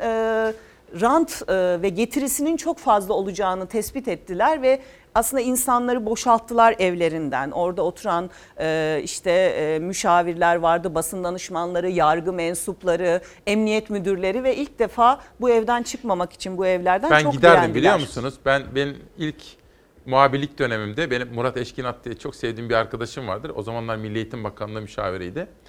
Ee, Çok severim. Çok sıklıkla giderdim. O kadar hoşuma giderdi ki böyle çınar ağaçları vardı böyle o Evet. güzel evler. Yani küçük ama böyle hoş. Evet aslında Ankara'nın e, çok e, ender nefes mekanlarından birisiydi. Şimdi burada e, öğlen saatlerinde çok rahatlıkla yürüyüş yapabilirsiniz. Gidip ağacının gölgesinden yararlanabilirsiniz.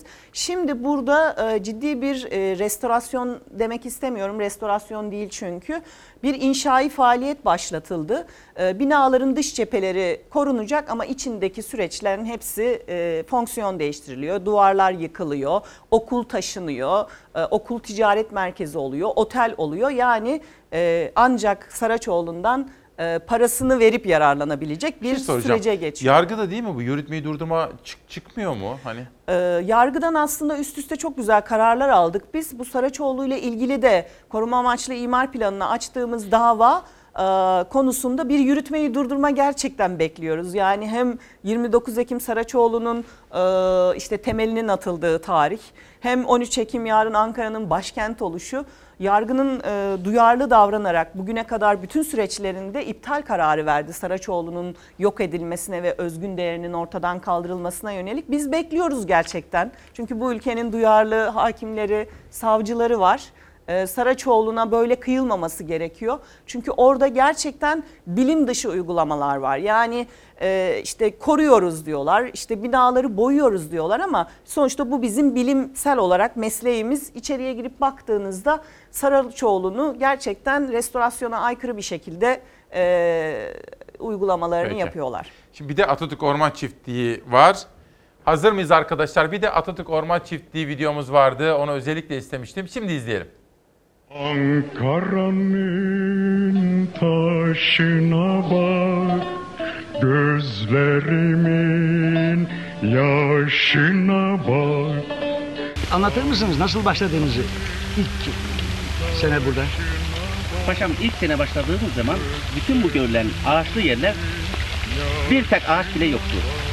Çöl halindeydi. Karşıki derelerin içerisinde bir çadırla işe başladık. Amerika traktörlerinden Thornton aldık ve bu suretle mebde olarak işe başlamış olduk. Birkaç sahada ziraatı mütevessi bir sahada yapmak için makinalı ziraata ehemmiyet verdik. Hayvanata fazla miktarda ehemmiyet verdik. Ve 5 sene zarfında 1 milyona yakın ağaç diktik. Meyve bahçeleri yaptık, bağ yaptık ve 7 bine kadar koyun yetiştirdik. Taş yarıldı baştan başa Paşam 4 yaşında. İlk yavrusunu aldık. 18 okka kadar yemeye süt verir. Simental. Kırım üzerine geliyoruz paşam. Simental üzerine ve bir de Hollanda üzerine. Bu halis bir simentaldir. Bu diğer renkli inekler hangi cinsleri? Paşam ekserisi Kırım'dır. Kırım İsviçre'dir ve Hollanda vardır. Hollanda'yı bilhassa yerlerle birleştirip en yüksek dünyada süt veren Hollanda cinsidir ki yevmiye 40 litre kadar verir. Yerlilerin hem cüsselerini yükseltmek hem süt kabiliyetlerini çoğaltmak için kurazman yaptırmak, melez yaptırmak esasına görüyoruz. Melez şey, iklime alıştırıyorsunuz. İklime alıştırıyoruz. Hem süt üzerine ve hem de et üzerine en yüksek. Uyan uyan Gazi Kemal Şu feleğin işine bak işine bak Uyan uyan Kemal şu feleğin işine bak, işine bak. Şimdi bu bir şey söyleyeceğim. Bir büyük askeri deha, bir politik deha, bir devlet adamı, dünya çapında bir lider. Ama bak tarım, üretici, hayvancılık, Atatürk Orman Çiftliği o günün koşullarında böyle bir vizyon ya. Ya tabii Atatürk Orman Çiftliği'nin şimdi videoyu da o güzel parçayla başlattınız. Böyle insanın içi gidiyor bir anda. Ee, yani e, aslında Mustafa Kemal Atatürk'ün çok büyük bir deha olduğunu Atatürk Orman Çiftliği sürecinden algılayabiliriz. Bugün dünya kent tarımını tartışıyor. Kentin içerisinde kalan noktalarda gıda yokluğundan kaynaklı kent tarımını tartışırken biz 70-80 yıl öncesinden Atatürk Orman Çiftliği'ni e, yaratmış ve sadece tarım politikaları açısından değil orada bir yaşam kültürü tanımlamış aslında. İnsanların e, modern hayatta buluşmalarını, ilişkileri, kadınla erkeğin bir arada nasıl üretim içerisinde yer alacağını aslında modern Türkiye'nin e, bir halk üniversitesi olarak planlanmış. O zaman daha köy enstitüleri de yok. Ama Atatürk Orman Çiftliği'nde e, işte sempozyumlar yapılıyor. Tarım sempozyumları, öğrenciler katılıyor, çiftçiler katılıyor, halk katılıyor ve e, öyle bir durum ki yani bugün hiç göremediğimiz, hiç e, belki de göremeyeceğimiz e, bir noktada bir ülkenin en yüksek noktasında ülkeyi temsil eden Mustafa Kemal Atatürk'le halk orada konser veriyor, müzik dinliyor, bir arada dolaşıyor. Bakın bugün bunları gerçekten göremiyoruz o iç içe geçme insanlarla birlikte ve halkın nefes alması için e, planlanıyor ve bir e, Cumhuriyet'in aslında yeni bir devrim e, yaklaşımı bu.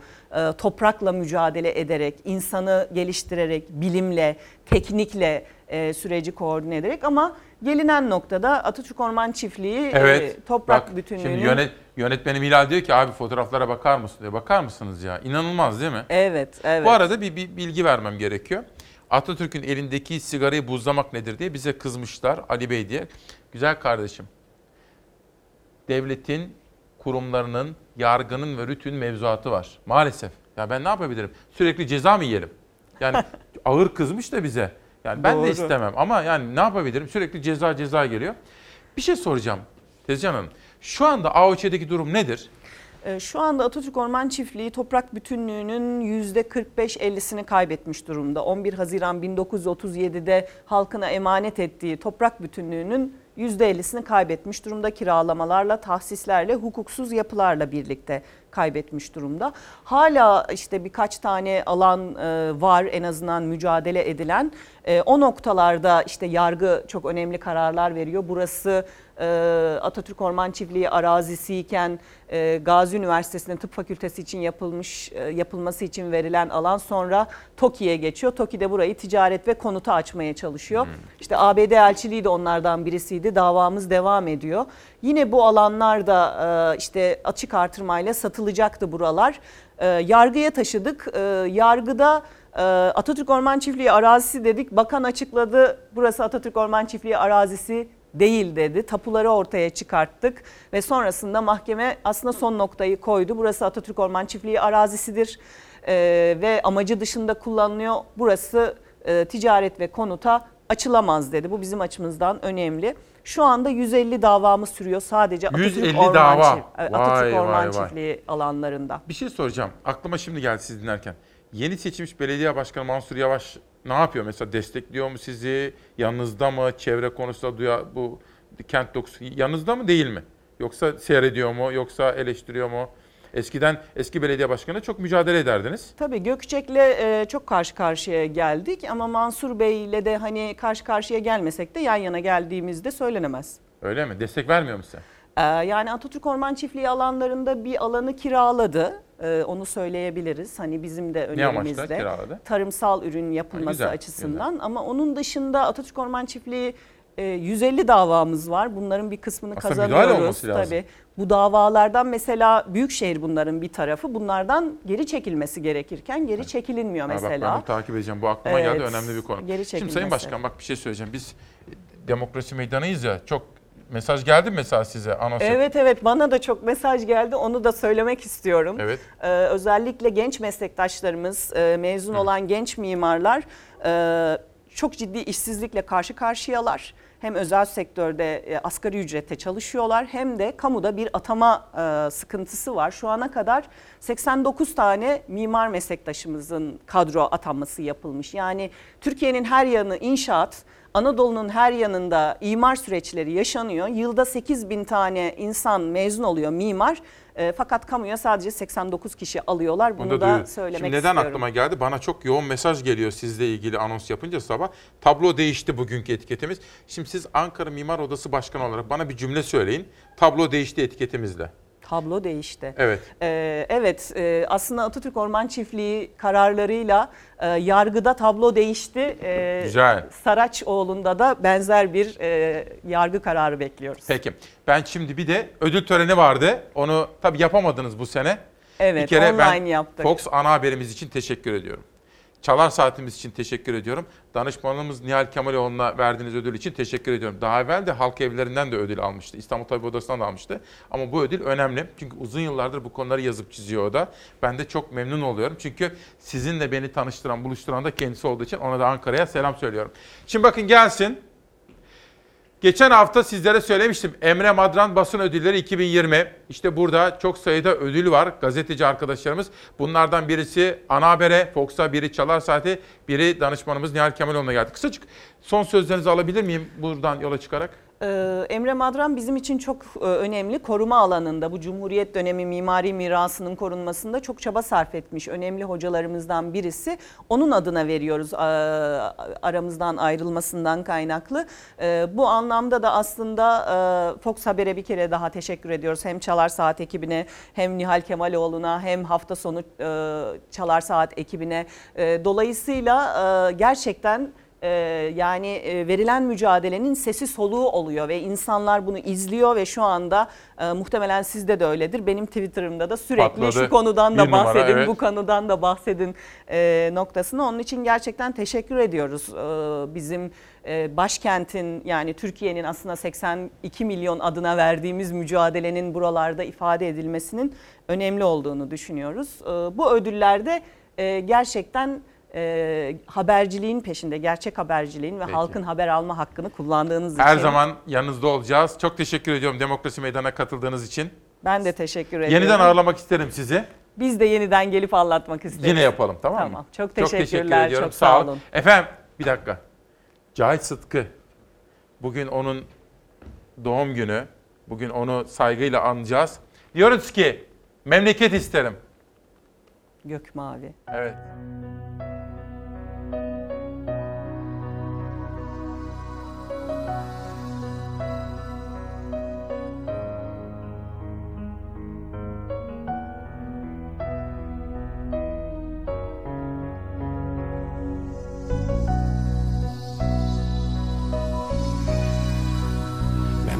İsterim. Gök mavi, dal yeşil, tarla sarı olsun. Kuşların çiçeklerin diyarı olsun. Memleket isterim. Ne başta dert, ne gönülde hasret olsun. Kardeş kavgasına bir nihayet olsun.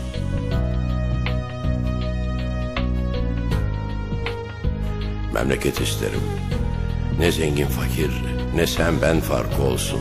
Kış günü herkesin evi barkı olsun. Memleket isterim. Yaşamak, sevmek gibi gönülden olsun. Olursa bir şikayet ölümden olsun. Şimdi o videoyla ilgili ağlıyoruz. Gözyaşlarımıza hakim olamıyoruz diye mesajlar geliyor. Ben de yönetmenimden Savaş Yıldız'a diyordum ki onu bugün mü versek yarın mı? Atamızın Atatürk Orman Çiftliği ile ilgili o pırıl pırıl ses ve görüntü çok etkiledi sizleri. Belki bugün verebilirim. Belki de eğer vaktim kalmazsa yarına bırakırım. Günaydın efendim. 12 Ekim 2020 Pazartesi sabahında İsmail Küçükkaya ile Demokrasi Meydanı'ndasınız.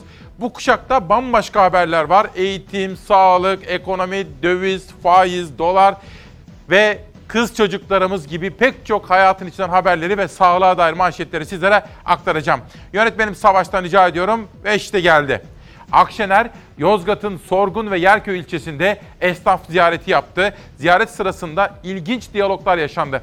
Bir genç Akşener'e iktidarı şikayet ederken her şeyi saraydan ibaret zannediyorlar. Kafalarını çıkarıp bir baksınlar dedi. Efendim günaydın. Saatlerimiz 10. İsmail Küçükkaya ile Demokrasi Meydanı olanca hızıyla devam ediyor. Özet olarak şunu söylüyorum. Nereden tutarsak orası elimizde kalıyor. Evet. Doğru. Ekonomimiz de öyle. Dolarla işim yokmuş. Ne demek dolarla işim yok? Bunların hep ham maddeleri dolar. Burada bile üretilse Ham madde, ya ham maddeleri maddesi para- işte dışarıdan dolarla geliyor. Ben dolarla okutamazsınız. Ben içerideyim. Ben piyasanın içindeyim. Ben piyasanın nabzını birebir tutan insan. Ham maddeyi dışarıdan alıyorsun. Sadece burada ufak tefek bir, bir iki işlemle ondan sonra e, ham maddeyi alıyordun atıyorum işte dolar e, eskiden 3 lirayken şimdi dolar oldu 9 lira. Nasıl işin olmaz senin? Bana bir izah etsene. Şunu bana bir izah et ya. Ben ekonomist değilim ama piyasanın içinde bir insanım. Beni bir ikna edin bakalım. ya. Sahada hepimiz birinci sınıf ekonomist olduk. Evet. Ev kadınları en fazlası. Yani. Evet. Allah. Tencere kaynatanlar birinci sınıf ekonomist. Yani Allah yardımcımız olsun. Tabii ki. nasıl hocam? Allah yardımcımız olsun ama hiçbir şeyi zembille indirmiyor. O kurban olduğu Mevlam her zaman neye bakıyor? Fiili duaya bakıyor. Önce bir fiili duamızı yapalım biz. Yani çalışmaya. Fiilen, evet, fiilen biz bir uygulamaya geçelim. Hakkını ona bırakalım. Biz böyle inanıyoruz. Evet. Yattığımız yerden Allah sabır versin. O. Şükürler olsun. Şükür demek tembellik değildir. Baba bize öyle öğretmeye çalışıyorlar. İyi. Sen de otur şükret. Sen niye şükretmiyorsun? Ha? Her yere hükmedilmiş. Siz niye şükretmiyorsunuz ya? Ben neyime şükredeceğim ya? Ya Allah'a çok şükür. Ben inancıma Tabii, gereği tabii. inan şükrümü yaparım. Siz niye şükretmiyorsunuz? Yeter. Bir kelimeyle sayarım başkanım. Yeter. Yeter artık. Nereden tutsam oraya evime geliyor. Vatandaş dertli. Siyasetçinin de gazetecinin de sırça köşklerden çıkıp halkın arasına katılması, halkla konuşması, halkın derdini gerek demokrasi meydanına gerek siyaset arenasına taşıması gerekiyor. Siyasetçinin de gazetecinin de görevi budur. Halkının derdiyle dertlenecek, halkının sesini duyacak ve Ankara'dakilere duyuracak diyorum. Bir sonraki manşet hafta sonunda Ali Babacan Diyarbakır'daydı sonra Batman'a gitti. Yaptığı açıklamalar çok konuşuldu. Ali Babacan Diyarbakır'da dil de dahil olmak üzere diyor. Eğitime erişimin önündeki her türlü engeli kaldıracağız dedi Diyarbakır'da yaptığı konuşmada. Sonra Batman'a da gitti. Ekonomi konusunda da açıklamaları oldu. Deva Partisi lideri Babacan 2020 yılının yedek akçesini sıfırladılar. Devletin ön cebi, arka cebi, yan cebi sıfırlandı. Varlık fonu kurdular. Bu fonun 64 milyar borcu var. Daha yeni doğmuş bebeklerin bu fon yüzünden borcu var dedi. Tabii yaptığı açıklamalar ses getiriyor. Davutoğlu'nun da öyle. Neden? Çünkü efendim içeriden yıllar yılı Adalet ve Kalkınma Partisi'nin içinde olup yaşanan bütün bu süreçlere tanıklık ettikten sonra yaptığı bu açıklamalar gayet tabii ki ses getiriyor ve etkili oluyor. Merkez Bankası'nda yıllardır, yıllardır biriktirilen 120 milyarlık döviz rezervini 1 Ocak 2019'dan bugüne kadar sata sata sata sata erittiler. Bir işe de yaramadı. Adeta kibrit çalıp yaktılar.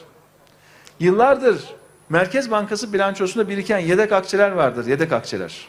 Kara günler için saklanır. Ve bizlerin yıllardır biriktirdiği o yedek akçelerin tamamını 2019 yılında bir çırpıda, bir çırpıda 75 milyarı bir çırpıda geçen sene harcadılar, bitirdiler. Birkaç günde harcadılar. 2020'nin bu yılın yedek akçesini daha Ocak ayının başında özel düzenleme yaparak sıfırladılar, bitirdiler.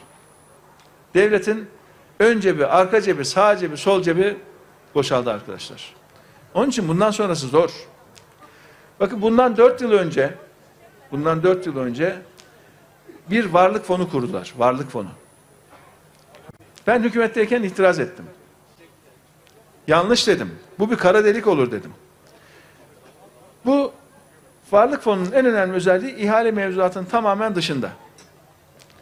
Hiçbir düzenlemeye bağlı değil, hiçbir denetim mekanizması da yok. Kimse denetleyemiyor. Burada kara delik oluşur dedik.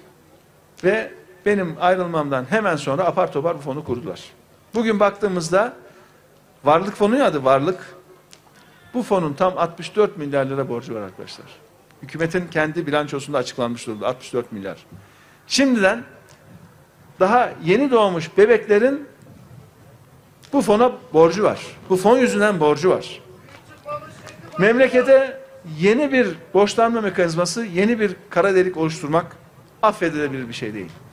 Ve biz daha önce de açıkladık. İnşallah iktidara gelir gelmez ilk yapacağımız işlerden bir tanesi bu varlık fonunu kapatmak. Bu kara deliği kapatmak. Değerli arkadaşlar, bakın biz bu kötü yönetimi sona erdirmek için yola çıktık. Ekonomiyi ehil olmayan ellerden kurtarmak için yola çıktık. İşsizlik rakamları açıklandı. Bir önceki aya göre işsizlik rakamı değişmedi. Son dakika. Temmuz ayı işsizlik rakamları açıklandı. 13.4. Bir önceki aya göre değişmeyen işsizlik rakamları yıllık bazda 0.5 azalmış gözüküyor. En son açıklanan rakam Temmuz ayı işsizliği %13.4. Bir de cari işlemler açığı. Hani sattığımızla aldığımız arasındaki makasa bakalım. Anadolu Ajansı bu arada tabii Mahir Ünal'ın da bir fotoğrafı dikkatimi çekiyor. Dün kız çocukları günüydü. Cari işlemler hesabı Ağustos'ta 4 milyar 631 milyon dolar açık verirken 12 aylık cari işlemler açığı 23 milyar 203 milyon dolar oldu. Evlat babanın sırrıdır derler. Zira evlat babanın kalbinin bir parçasıdır ve babalar özellikle kızlarından çok şey öğrenir diyor. O da kızıyla birlikte bir mutluluk tablosunu paylaşmış. Biraz sonra sizlere o konulardaki haberleri de aktarma imkanı bulacağım. Ve en son Evrensel Gazetesi'nin eğitim manşetinde kalmış Diyarbakır'ın manşetine geçecektim. Diyarbakır Mücadele Gazetesi, Diyarbakır'da konuşan Babacan, Kürt sorunu gittikçe büyüyor dedi ve iktidarı daha geçmişte, daha dün çözüm süreci dediğiniz dönemde birlikte masalara oturmuştunuz. Şimdi onları tutuklatıyorsunuz. Bu iş böyle olmaz dedi. Bir de karpuz manşeti gelsin Diyarbakır'dan. Diyarbakır karpuzu tarih oluyor. Türkiye'de karpuz denilince akla gelen ilk şehir Diyarbakır. Özellikle de karpuzuyla ün sahibi olan Diyarbakır'da artık eskisi gibi karpuz yetiştirilmiyor. Karpuz yetiştirilmediği gibi yerli tohumlarda zaman geçtikçe yabancı tohumlar arasında kaybolmaya yüz tutuyor. Bir de süt haberi var efendim. Ama önce şu kitaplardan biraz size tanıtım yapmak istiyorum izin verirseniz. Sırada süt haberi var çok önemli. Hande Baba Gelincik Tarlası isimli kitabını yazmış ve bize de imzalayarak göndermiş. Kendisine de çok teşekkür ediyorum efendim. Arsuz Hatay.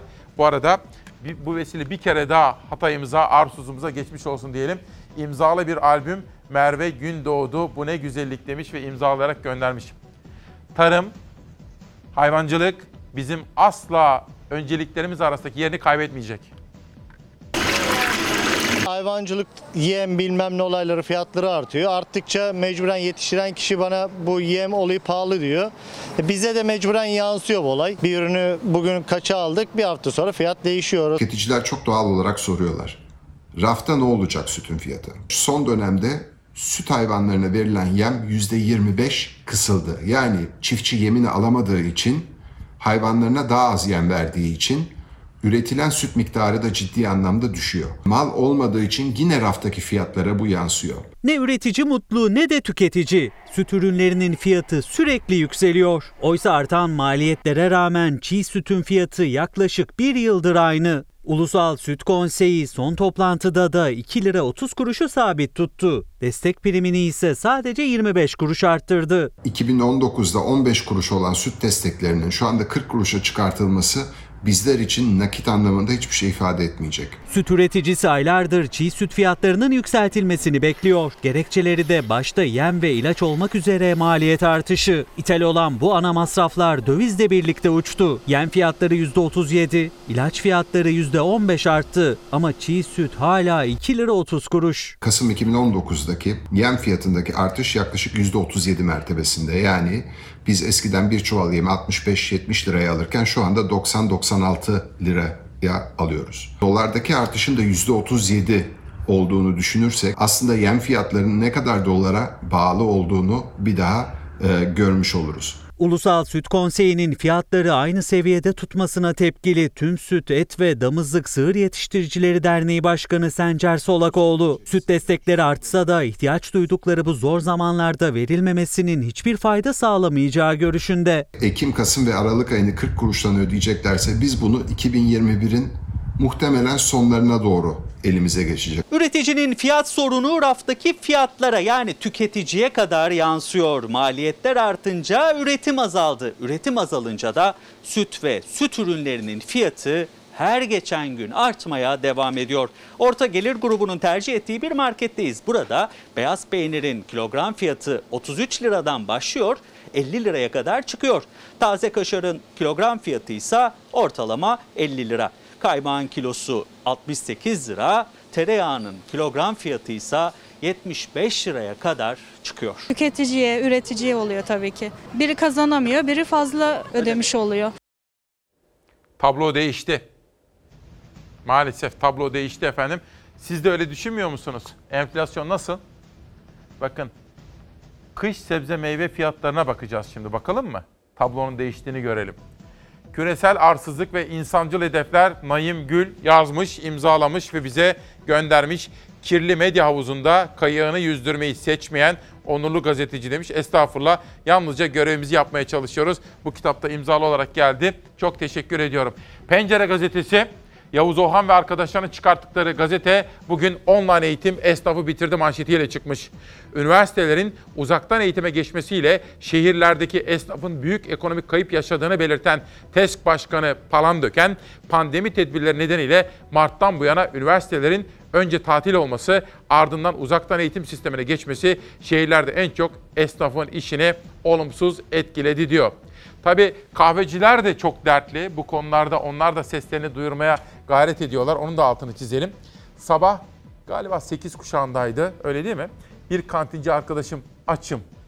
Pandemi nedeniyle kantinlerde işler yapılamıyor. Evime ekmek götüremiyorum demişti hatırlıyorsanız. O da işte olumsuz etkilenenlerden birisi. Sebze ve meyvede de maalesef tablo değişti. Valla fiyatlar yüksek ya pazar fiyatları. Karnabahar aldık, domates aldık, mısır aldık. 60 lira falan verdik. Herhalde iki günde biter. Sonrası için Allah kerim. Artık haftalık alışveriş hayal tüketici için 1-2 günlük pazar alışverişi bile en az 60 lira tutuyor. Ispanak, pırasa tam da bu mevsimin sebzeleri. Ortalama bir semt pazarında bile 10 liradan satılıyor. Bu mevsimin sebzeleri ucuzladı mı? Yok daha ucuzlamadı. Bekle. Sebzelerini meyvelerini ucuza alabildiniz mi? Hayır hiçbir zaman. Yani hep yüksekti fiyatlar. Hiçbir zaman ucuz meyve almadık yani. Burada hiç aramayın. Yok yani. Yazın sebze meyve pahalıydı. Kış sebzeleri artık pazardaki yerini almaya başladı ama onların da fiyatı yüksek. Ispanağın kilosu 10 lira, pazının kilosu 8 lira, havucun kilosu ise 6 lira. Domates 5 lira ile 10 lira arasında, salatalık 10-15, biber 20 lira. Meyve de eklenince fiyatlar katlanıyor. Domates aldım. İşte badem badem aldım. Meyve aldım. Bu iki kişi ya. Burası 175 tuttu. 20 lira, 10 lira. Sadece bir tezgahtan alışveriş yapıyoruz. 1 kilo pırasa 7 lira, 1 kilo patlıcan 7 lira, 1 kilo fasulye 20 lira. Yanına birer kilo da meyve koysak 1 kilo üzüm 10 lira, 1 kilo incir 20 lira. Yani sadece 1-2 günlük meyve sebzenin maliyeti bile 64 lira. Elma 10, muz 25, nar 15 lira pazarda. Mandalina ise 7 liradan başlıyor. Sadece mevsim meyvesi sebzesi değil, her mevsimin sebzesi her zaman dolapta bulunması gereken ürünler de pahalı. Patatesin kilosu 2,5 liradan başlıyor, 4 liraya kadar çıkıyor. Soğan 3,5 liradan başlıyor, 5 liraya kadar çıkıyor. Sarımsağın kilosu ise 50 lira. Fiyatlar pazarda eee, anormal pahalı. Elimizde ne varsa, avucumuzda ne varsa çıkıp almaya çalışıyoruz ama yarım kilo dahi bir şey alamıyoruz. Zar zor alabiliyoruz. Bakın çarşı, pazar, market durum bu. Tablo değişti. Ufuk Bütün bize daha evvel sizlere aktarmış olduğum tıbbi cihazlarla ilgili bir bilgi veriyor efendim. Ama önce bir kitap tanıtımı yapacağım. Sonra da sizi önemli bir habere götüreceğim. Atilla Dorsay, dünyaya açılan sinemamız ve yeni bir kuşak. Türk sineması 2010-2020. Bakar mısınız? Dünya çapındaki bir aktör ve o müthiş film. Hatır, Haluk Bilginer o filmi izlemiş olmalısınız. Ve sonra işte gerçekten İngiltere'de de çok sükse yapan dünya çapında bir isimdir kendisi. Para pis bir şey değil mi? Para. Yani hakikaten kelimenin gerçek manasıyla da pis. Yani insanın başına ne getiriyorsa paraya olan düşkünlüğü, aşırı düşkünlüğü getiriyor ama bir de para gerçekten nesne olarak da pis. Ona ilişkin bir haber var. Ufuk Bütün, Sayın Küçükaya, tıbbi cihaz sektörünün yerli üreticileri olarak 17 aydır alamadığımız ödemelerden şimdi de %25 feragat isteniyor. Madem feragat yapınca ödeyecek para var, 17 aydır neden alamıyoruz? Bu feragat yerli firmaların sonu olacak. Lütfen sesimiz olun diyor. Şöyle bir retweet yapalım ve kamuoyunda sosyal medyada da paylaşılsın ki konuşulsun. Biz de bunu önemseyelim efendim. Ve bu Covid var ya Covid-19. Bu meret paradan da çok fena bulaşıyor. Paraya çok temas etmemeye dikkat etmek gerekir. Avustralyalı bilim insanları araştırdı. Koronavirüs kağıt para ve telefon ekranı gibi yüzeylerde 28 güne kadar kalabiliyor, bulaşıcı özelliğini koruyor. Yeni tip koronavirüsle 2019 yılının Aralık ayında tanıştı dünya. Virüse dair araştırmalar sürüyor. Her geçen gün yeni bilgiler ortaya çıkıyor. Virüs genellikle öksürük, hapşırma ve konuşma sırasında ağızdan saçılan damlacıklar yoluyla buluşuyor. Ancak yüzey bulaşıcılığı da var. Daha önce koronavirüsün yüzey bulaşıcılığına ilişkin yapılan araştırmalarda virüsün para, cam gibi nesneler üzerinde 3 güne kadar kalabildiği belirlenmişti. Amerika Birleşik Devletleri Hastalık Kontrol Merkezi ise yüzey bulaşıcılığının olduğunu ancak yüzey bulaşıcılığının çok az olduğunu açıklamıştı. Koronavirüsün yüzey bulaşıcılığını bu kez de Avustralya Ulusal Bilim Kurumu araştırdı. Kurum virüsün yapısının aşırı güçlü olduğunu tespit etti ve virüsün tahmin edilenden daha uzun süre yapısının bozulmadığını, bulaşıcı özelliğini koruduğunu tespit etti. Avustralyalı bilim insanları koronavirüsün 20 derece oda sıcaklığında ve karanlık bir ortamda kağıt para, telefon ekranı ve plastik nesneler üzerinde 28 güne kadar bulaşıcılığını koruduğunu açıkladı.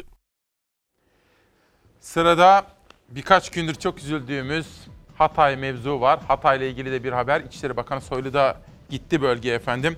Kim yaptıysa, kimler yaktırdıysa Allah'larından bulsunlar. Yani daha fazla ağır konuşmak istemiyorum şu an itibariyle. Bendekiler isimli öykü anı kitabı Namık Özkan yazdı, imzalayarak bana gönderdi. Kendisine de çok teşekkür ediyorum. Her sabah Çalar Saati izleyen bir büyüğümüz kendisi. Hürriyet Gazetesi erken kuşakta verdim ama tam yeri ve zamanı terör örgütü ciğerimizi yakıyor.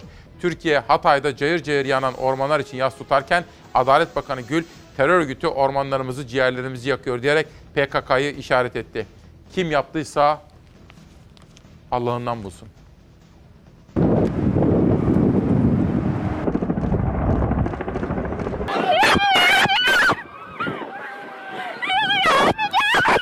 Bu tür afetlerde hem Cenab-ı Allah korusun hem de devletimizin bizlerin size bir eksikliğini göstermesin inşallah. Yangın 33 saat sonra söndürüldü. Geriye yanmış evler, iş yerleriyle küle dönmüş ormanlık araziler kaldı. İçişleri Bakanı Süleyman Soylu Hatay'da alevlere teslim olan yerleşim yerlerini ziyaret etti. Tekrar geçmiş olsun dileklerimizi iletiyoruz ve emrinize amade olduğumuzu tekrar sizlere belirtiyoruz. Tekrar Sayın Cumhurbaşkanımız Recep Tayyip Erdoğan Bey'in, Milliyetçi Hareket Partisi Genel Başkanı Sayın Devlet Bahçeli Bey'in selamlarını, geçmiş olsun dileklerini iletiyoruz. Ormanlık alanda başladı. Belen, İskenderun ve Arsuz ilçelerinde yerleşim yerlerinde hasara sebep oldu yangın. Alevler söndürüldü, hasar tespit çalışmaları devam ediyor. Yaklaşık iki yıldan beri e, özellikle e, kendi elemanlarına hem örgüt mensuplarına hem de şehirlere sızdırmaya çalıştığı elemanlara e, ormanların yakılması hususunda net talimatları vardır. Bakan Soylu yangınları PKK'lı teröristlerin çıkarmış olma ihtimali üzerinde durduklarını dile getirdi. Türkiye genelinde de yangının terör örgütünün nedeniyle ortaya çıktı. Bunlar tarafından gerçekleştirildiği hususunda e, bir yaygın kanaati söz konusudur. E, tabii bizim bu konudaki tahkikatımız devam ediyor. Sosyal medyada da özellikle paylaşımlar yapılıyor. O paylaşımları yapanlarla ilgili bir bilgiye e, sahip miyiz? İkisi de yurt dışında. Birisi Belçika'da, e, birisi de Almanya'da. Onun da hangi ülkede olduğunu e, tetkik etti arkadaşlarım. İkisi de yurt içinde. Vilayetlerini söylemeyeyim.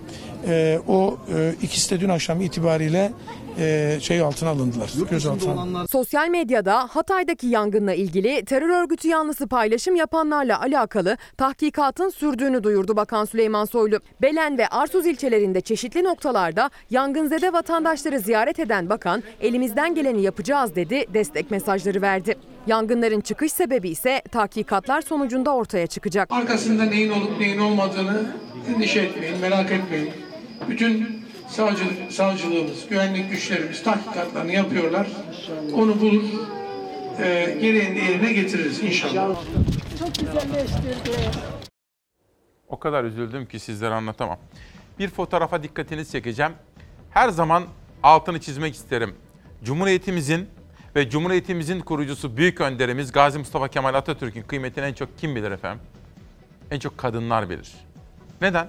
Çünkü kadınlara haklarını medeni kanun vasıtasıyla sağlayan ve o büyük dehasıyla, vizyonuyla kadınların toplumdaki yerini sağlamlaştırmasını isteyen, her zaman kadınları ön plana alan bir büyük zarafetin adamıdır o Mustafa Kemal Atatürk. Fotoğraf dikkatimi çekti de bakın 1933 Necati İnceoğlu'nun kitabı. Bakınız. Türk kadını sana hakkını veren cumhuriyettir diyor. Kız çocuklarımızın okutulması. Benim öteden beri en çok üzerinde durduğum husus budur efendim. Çocuklarımızı okutacağız ki onlar kendilerini kurtarsınlar ve özgüvenli çocuklar olsunlar. Ve bir kitap. İsviçre'de yaşayan bir yazar Aslan Dağıstanlı Aysev bir yola çıkmış, bir hayali var. Türkiye'nin dünyaya meydan okuyan 30 kızın hikayesi. Aslan Aysev'in yolu bir şekilde Ekrem İmamoğlu'nun eşiyle kesişiyor ve iki kadın işbirliği yapıyor. İki kadın ortak bir vizyonla hayallerini gerçekleştirmeye çalışıyorlar. Ve bu kitabın iki gün önce çıktı. Bütün geliri de özellikle Doğu ve Güneydoğu'daki çocuklarımızın eğitim hayatları için harcanacak. Onların tabletleri ve internete erişimleri konusunda bir dayanışmanın öyküsü bu. Bakın Dilek Kaya İmamoğlu. Konuştum. Dilek Hanım'la da konuştum bizzat. Sevgili Aslan Aysev'in yazdığı kitap için kız çocuklarımızla bir araya geldik. Her çocuğun kendi başarı öyküsünü yazmasında ilham kaynağı olmasını temenni ettiğim kitaba sizler de cesurkızlar.istanbul adresinden ücretsiz ulaşabilirsiniz diyor efendim. Yani çocuklarımız, kızlarımız okusunlar diye, onlar kendi ayakları üzerinde dursunlar diye çabalarımız sürecek.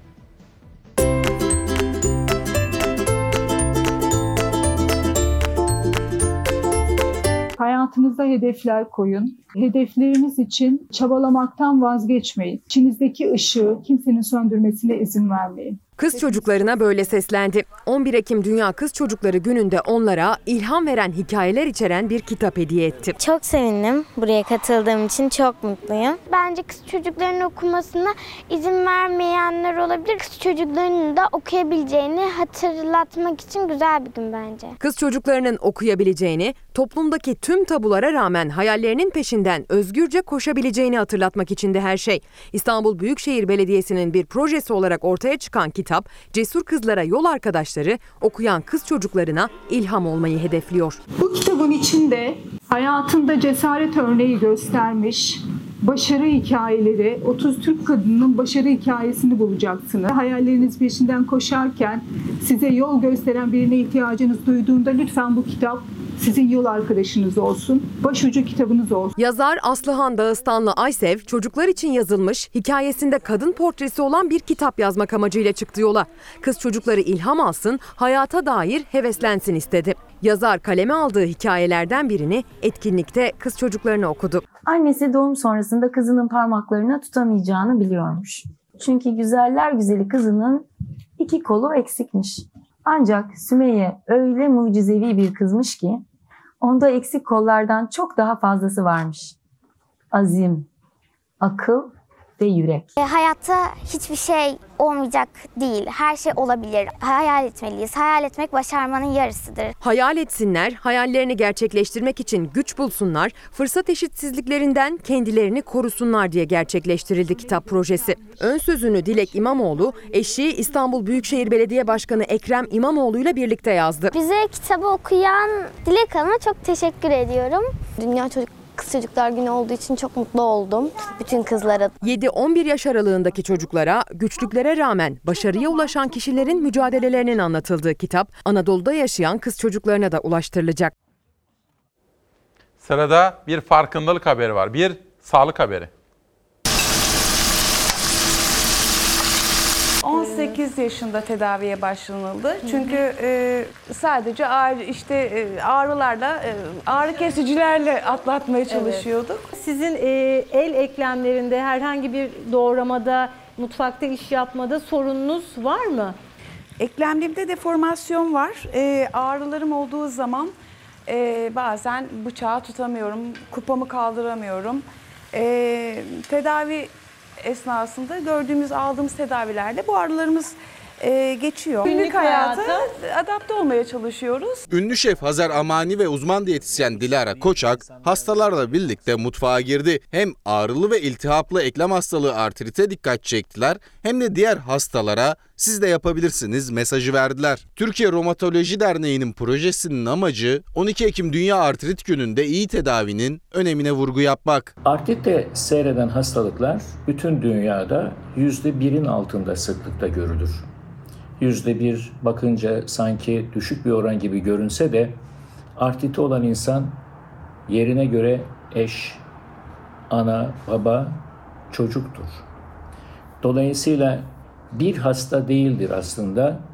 O ailede kaç kişi varsa bir artrit olan ailede herkes öyle ya da böyle etkilenir. Hastaların tüm hayatını etkiliyor artrit. Tedavi edilmezse günlük ihtiyaçlarını bile karşılayamıyorlar. Sabah yataktan kalktığım zaman bir katılık oluyordu.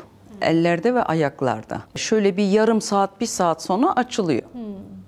Ama yani istediğin gibi bir şişenin kapağını açamıyorsun, bir bıçak tutamıyorsun. Tam da Kendi e, kıyafetini kendin giyip çıkaramıyorsun. 12 Ekim Dünya Artrit Günü için Türkiye Romatoloji Derneği de bir video hazırladı. Doktorlar ve hastaları beslenme uzmanı Dilara Koçak'a misafir oldu videoda. Şef Hazar Amani ile birlikte yemek pişirdiler. Menüyü seçerken evet özellikle özellikle hem bir yandan bağışıklık sistemini arttıralım hem de güzel bir Akdeniz mutfağı olsun dedik. Güzel bir sebze çorbası, bol baharatlı. Eğer erken tanı tedavi alırlarsa iş hayatlarına da devam edebiliyorlar. Tedavisi olmayan bir hastalık değil aslında artrit. Hastalar tedaviler sayesinde hayatlarına ağrısız devam edebiliyor. Ama erken teşhis tedavinin başarısındaki en önemli unsur. Teşhis konulduğunda gebelik dönemime denk geldi. O yüzden ilk başta anlamadık. Daha sonra doğumdan sonra oğlum 18 günlükken e, anladık ve tedavi sürecim o şekilde başladı. Şu anda devam ediyorum. 6 ayda bir düzenli olarak gidiyorum. Tahlillerim yapılıyor. Yani normal e, hiç rahatsızlığım yokmuş gibi hayatıma Devam her ediyorsun. şekilde devam ediyorum. Bir de biz İsmail Küçükkaya'lı Demokrasi Meydanı'nda Çalarsat ailesi vefalıyız. Bakın Levent Kırca'yı saygıyla anıyoruz. Tam da bugün 2015 yılında 12 Ekim'de kendisini kaybettik. Büyük bir Atatürkçüydü aynı zamanda. Zeki, ülkesini seven, yurtsever bir mizahçıydı o ama bizi güldürürken ağlatan bir isimdi. Aziz hatırası önünde saygıyla eğiliyorum. Ve ülkemizin kurucusu, rol modelimiz, büyük önderimiz Gazi Mustafa Kemal Atatürk. Yarın onu daha fazla anacağız çünkü Ankara'mızın başkent oluş yıl dönümü. Benim atamızı anarken en çok sevdiğim eserlerden, yorumlardan biri Fikrimin İnce Gülü.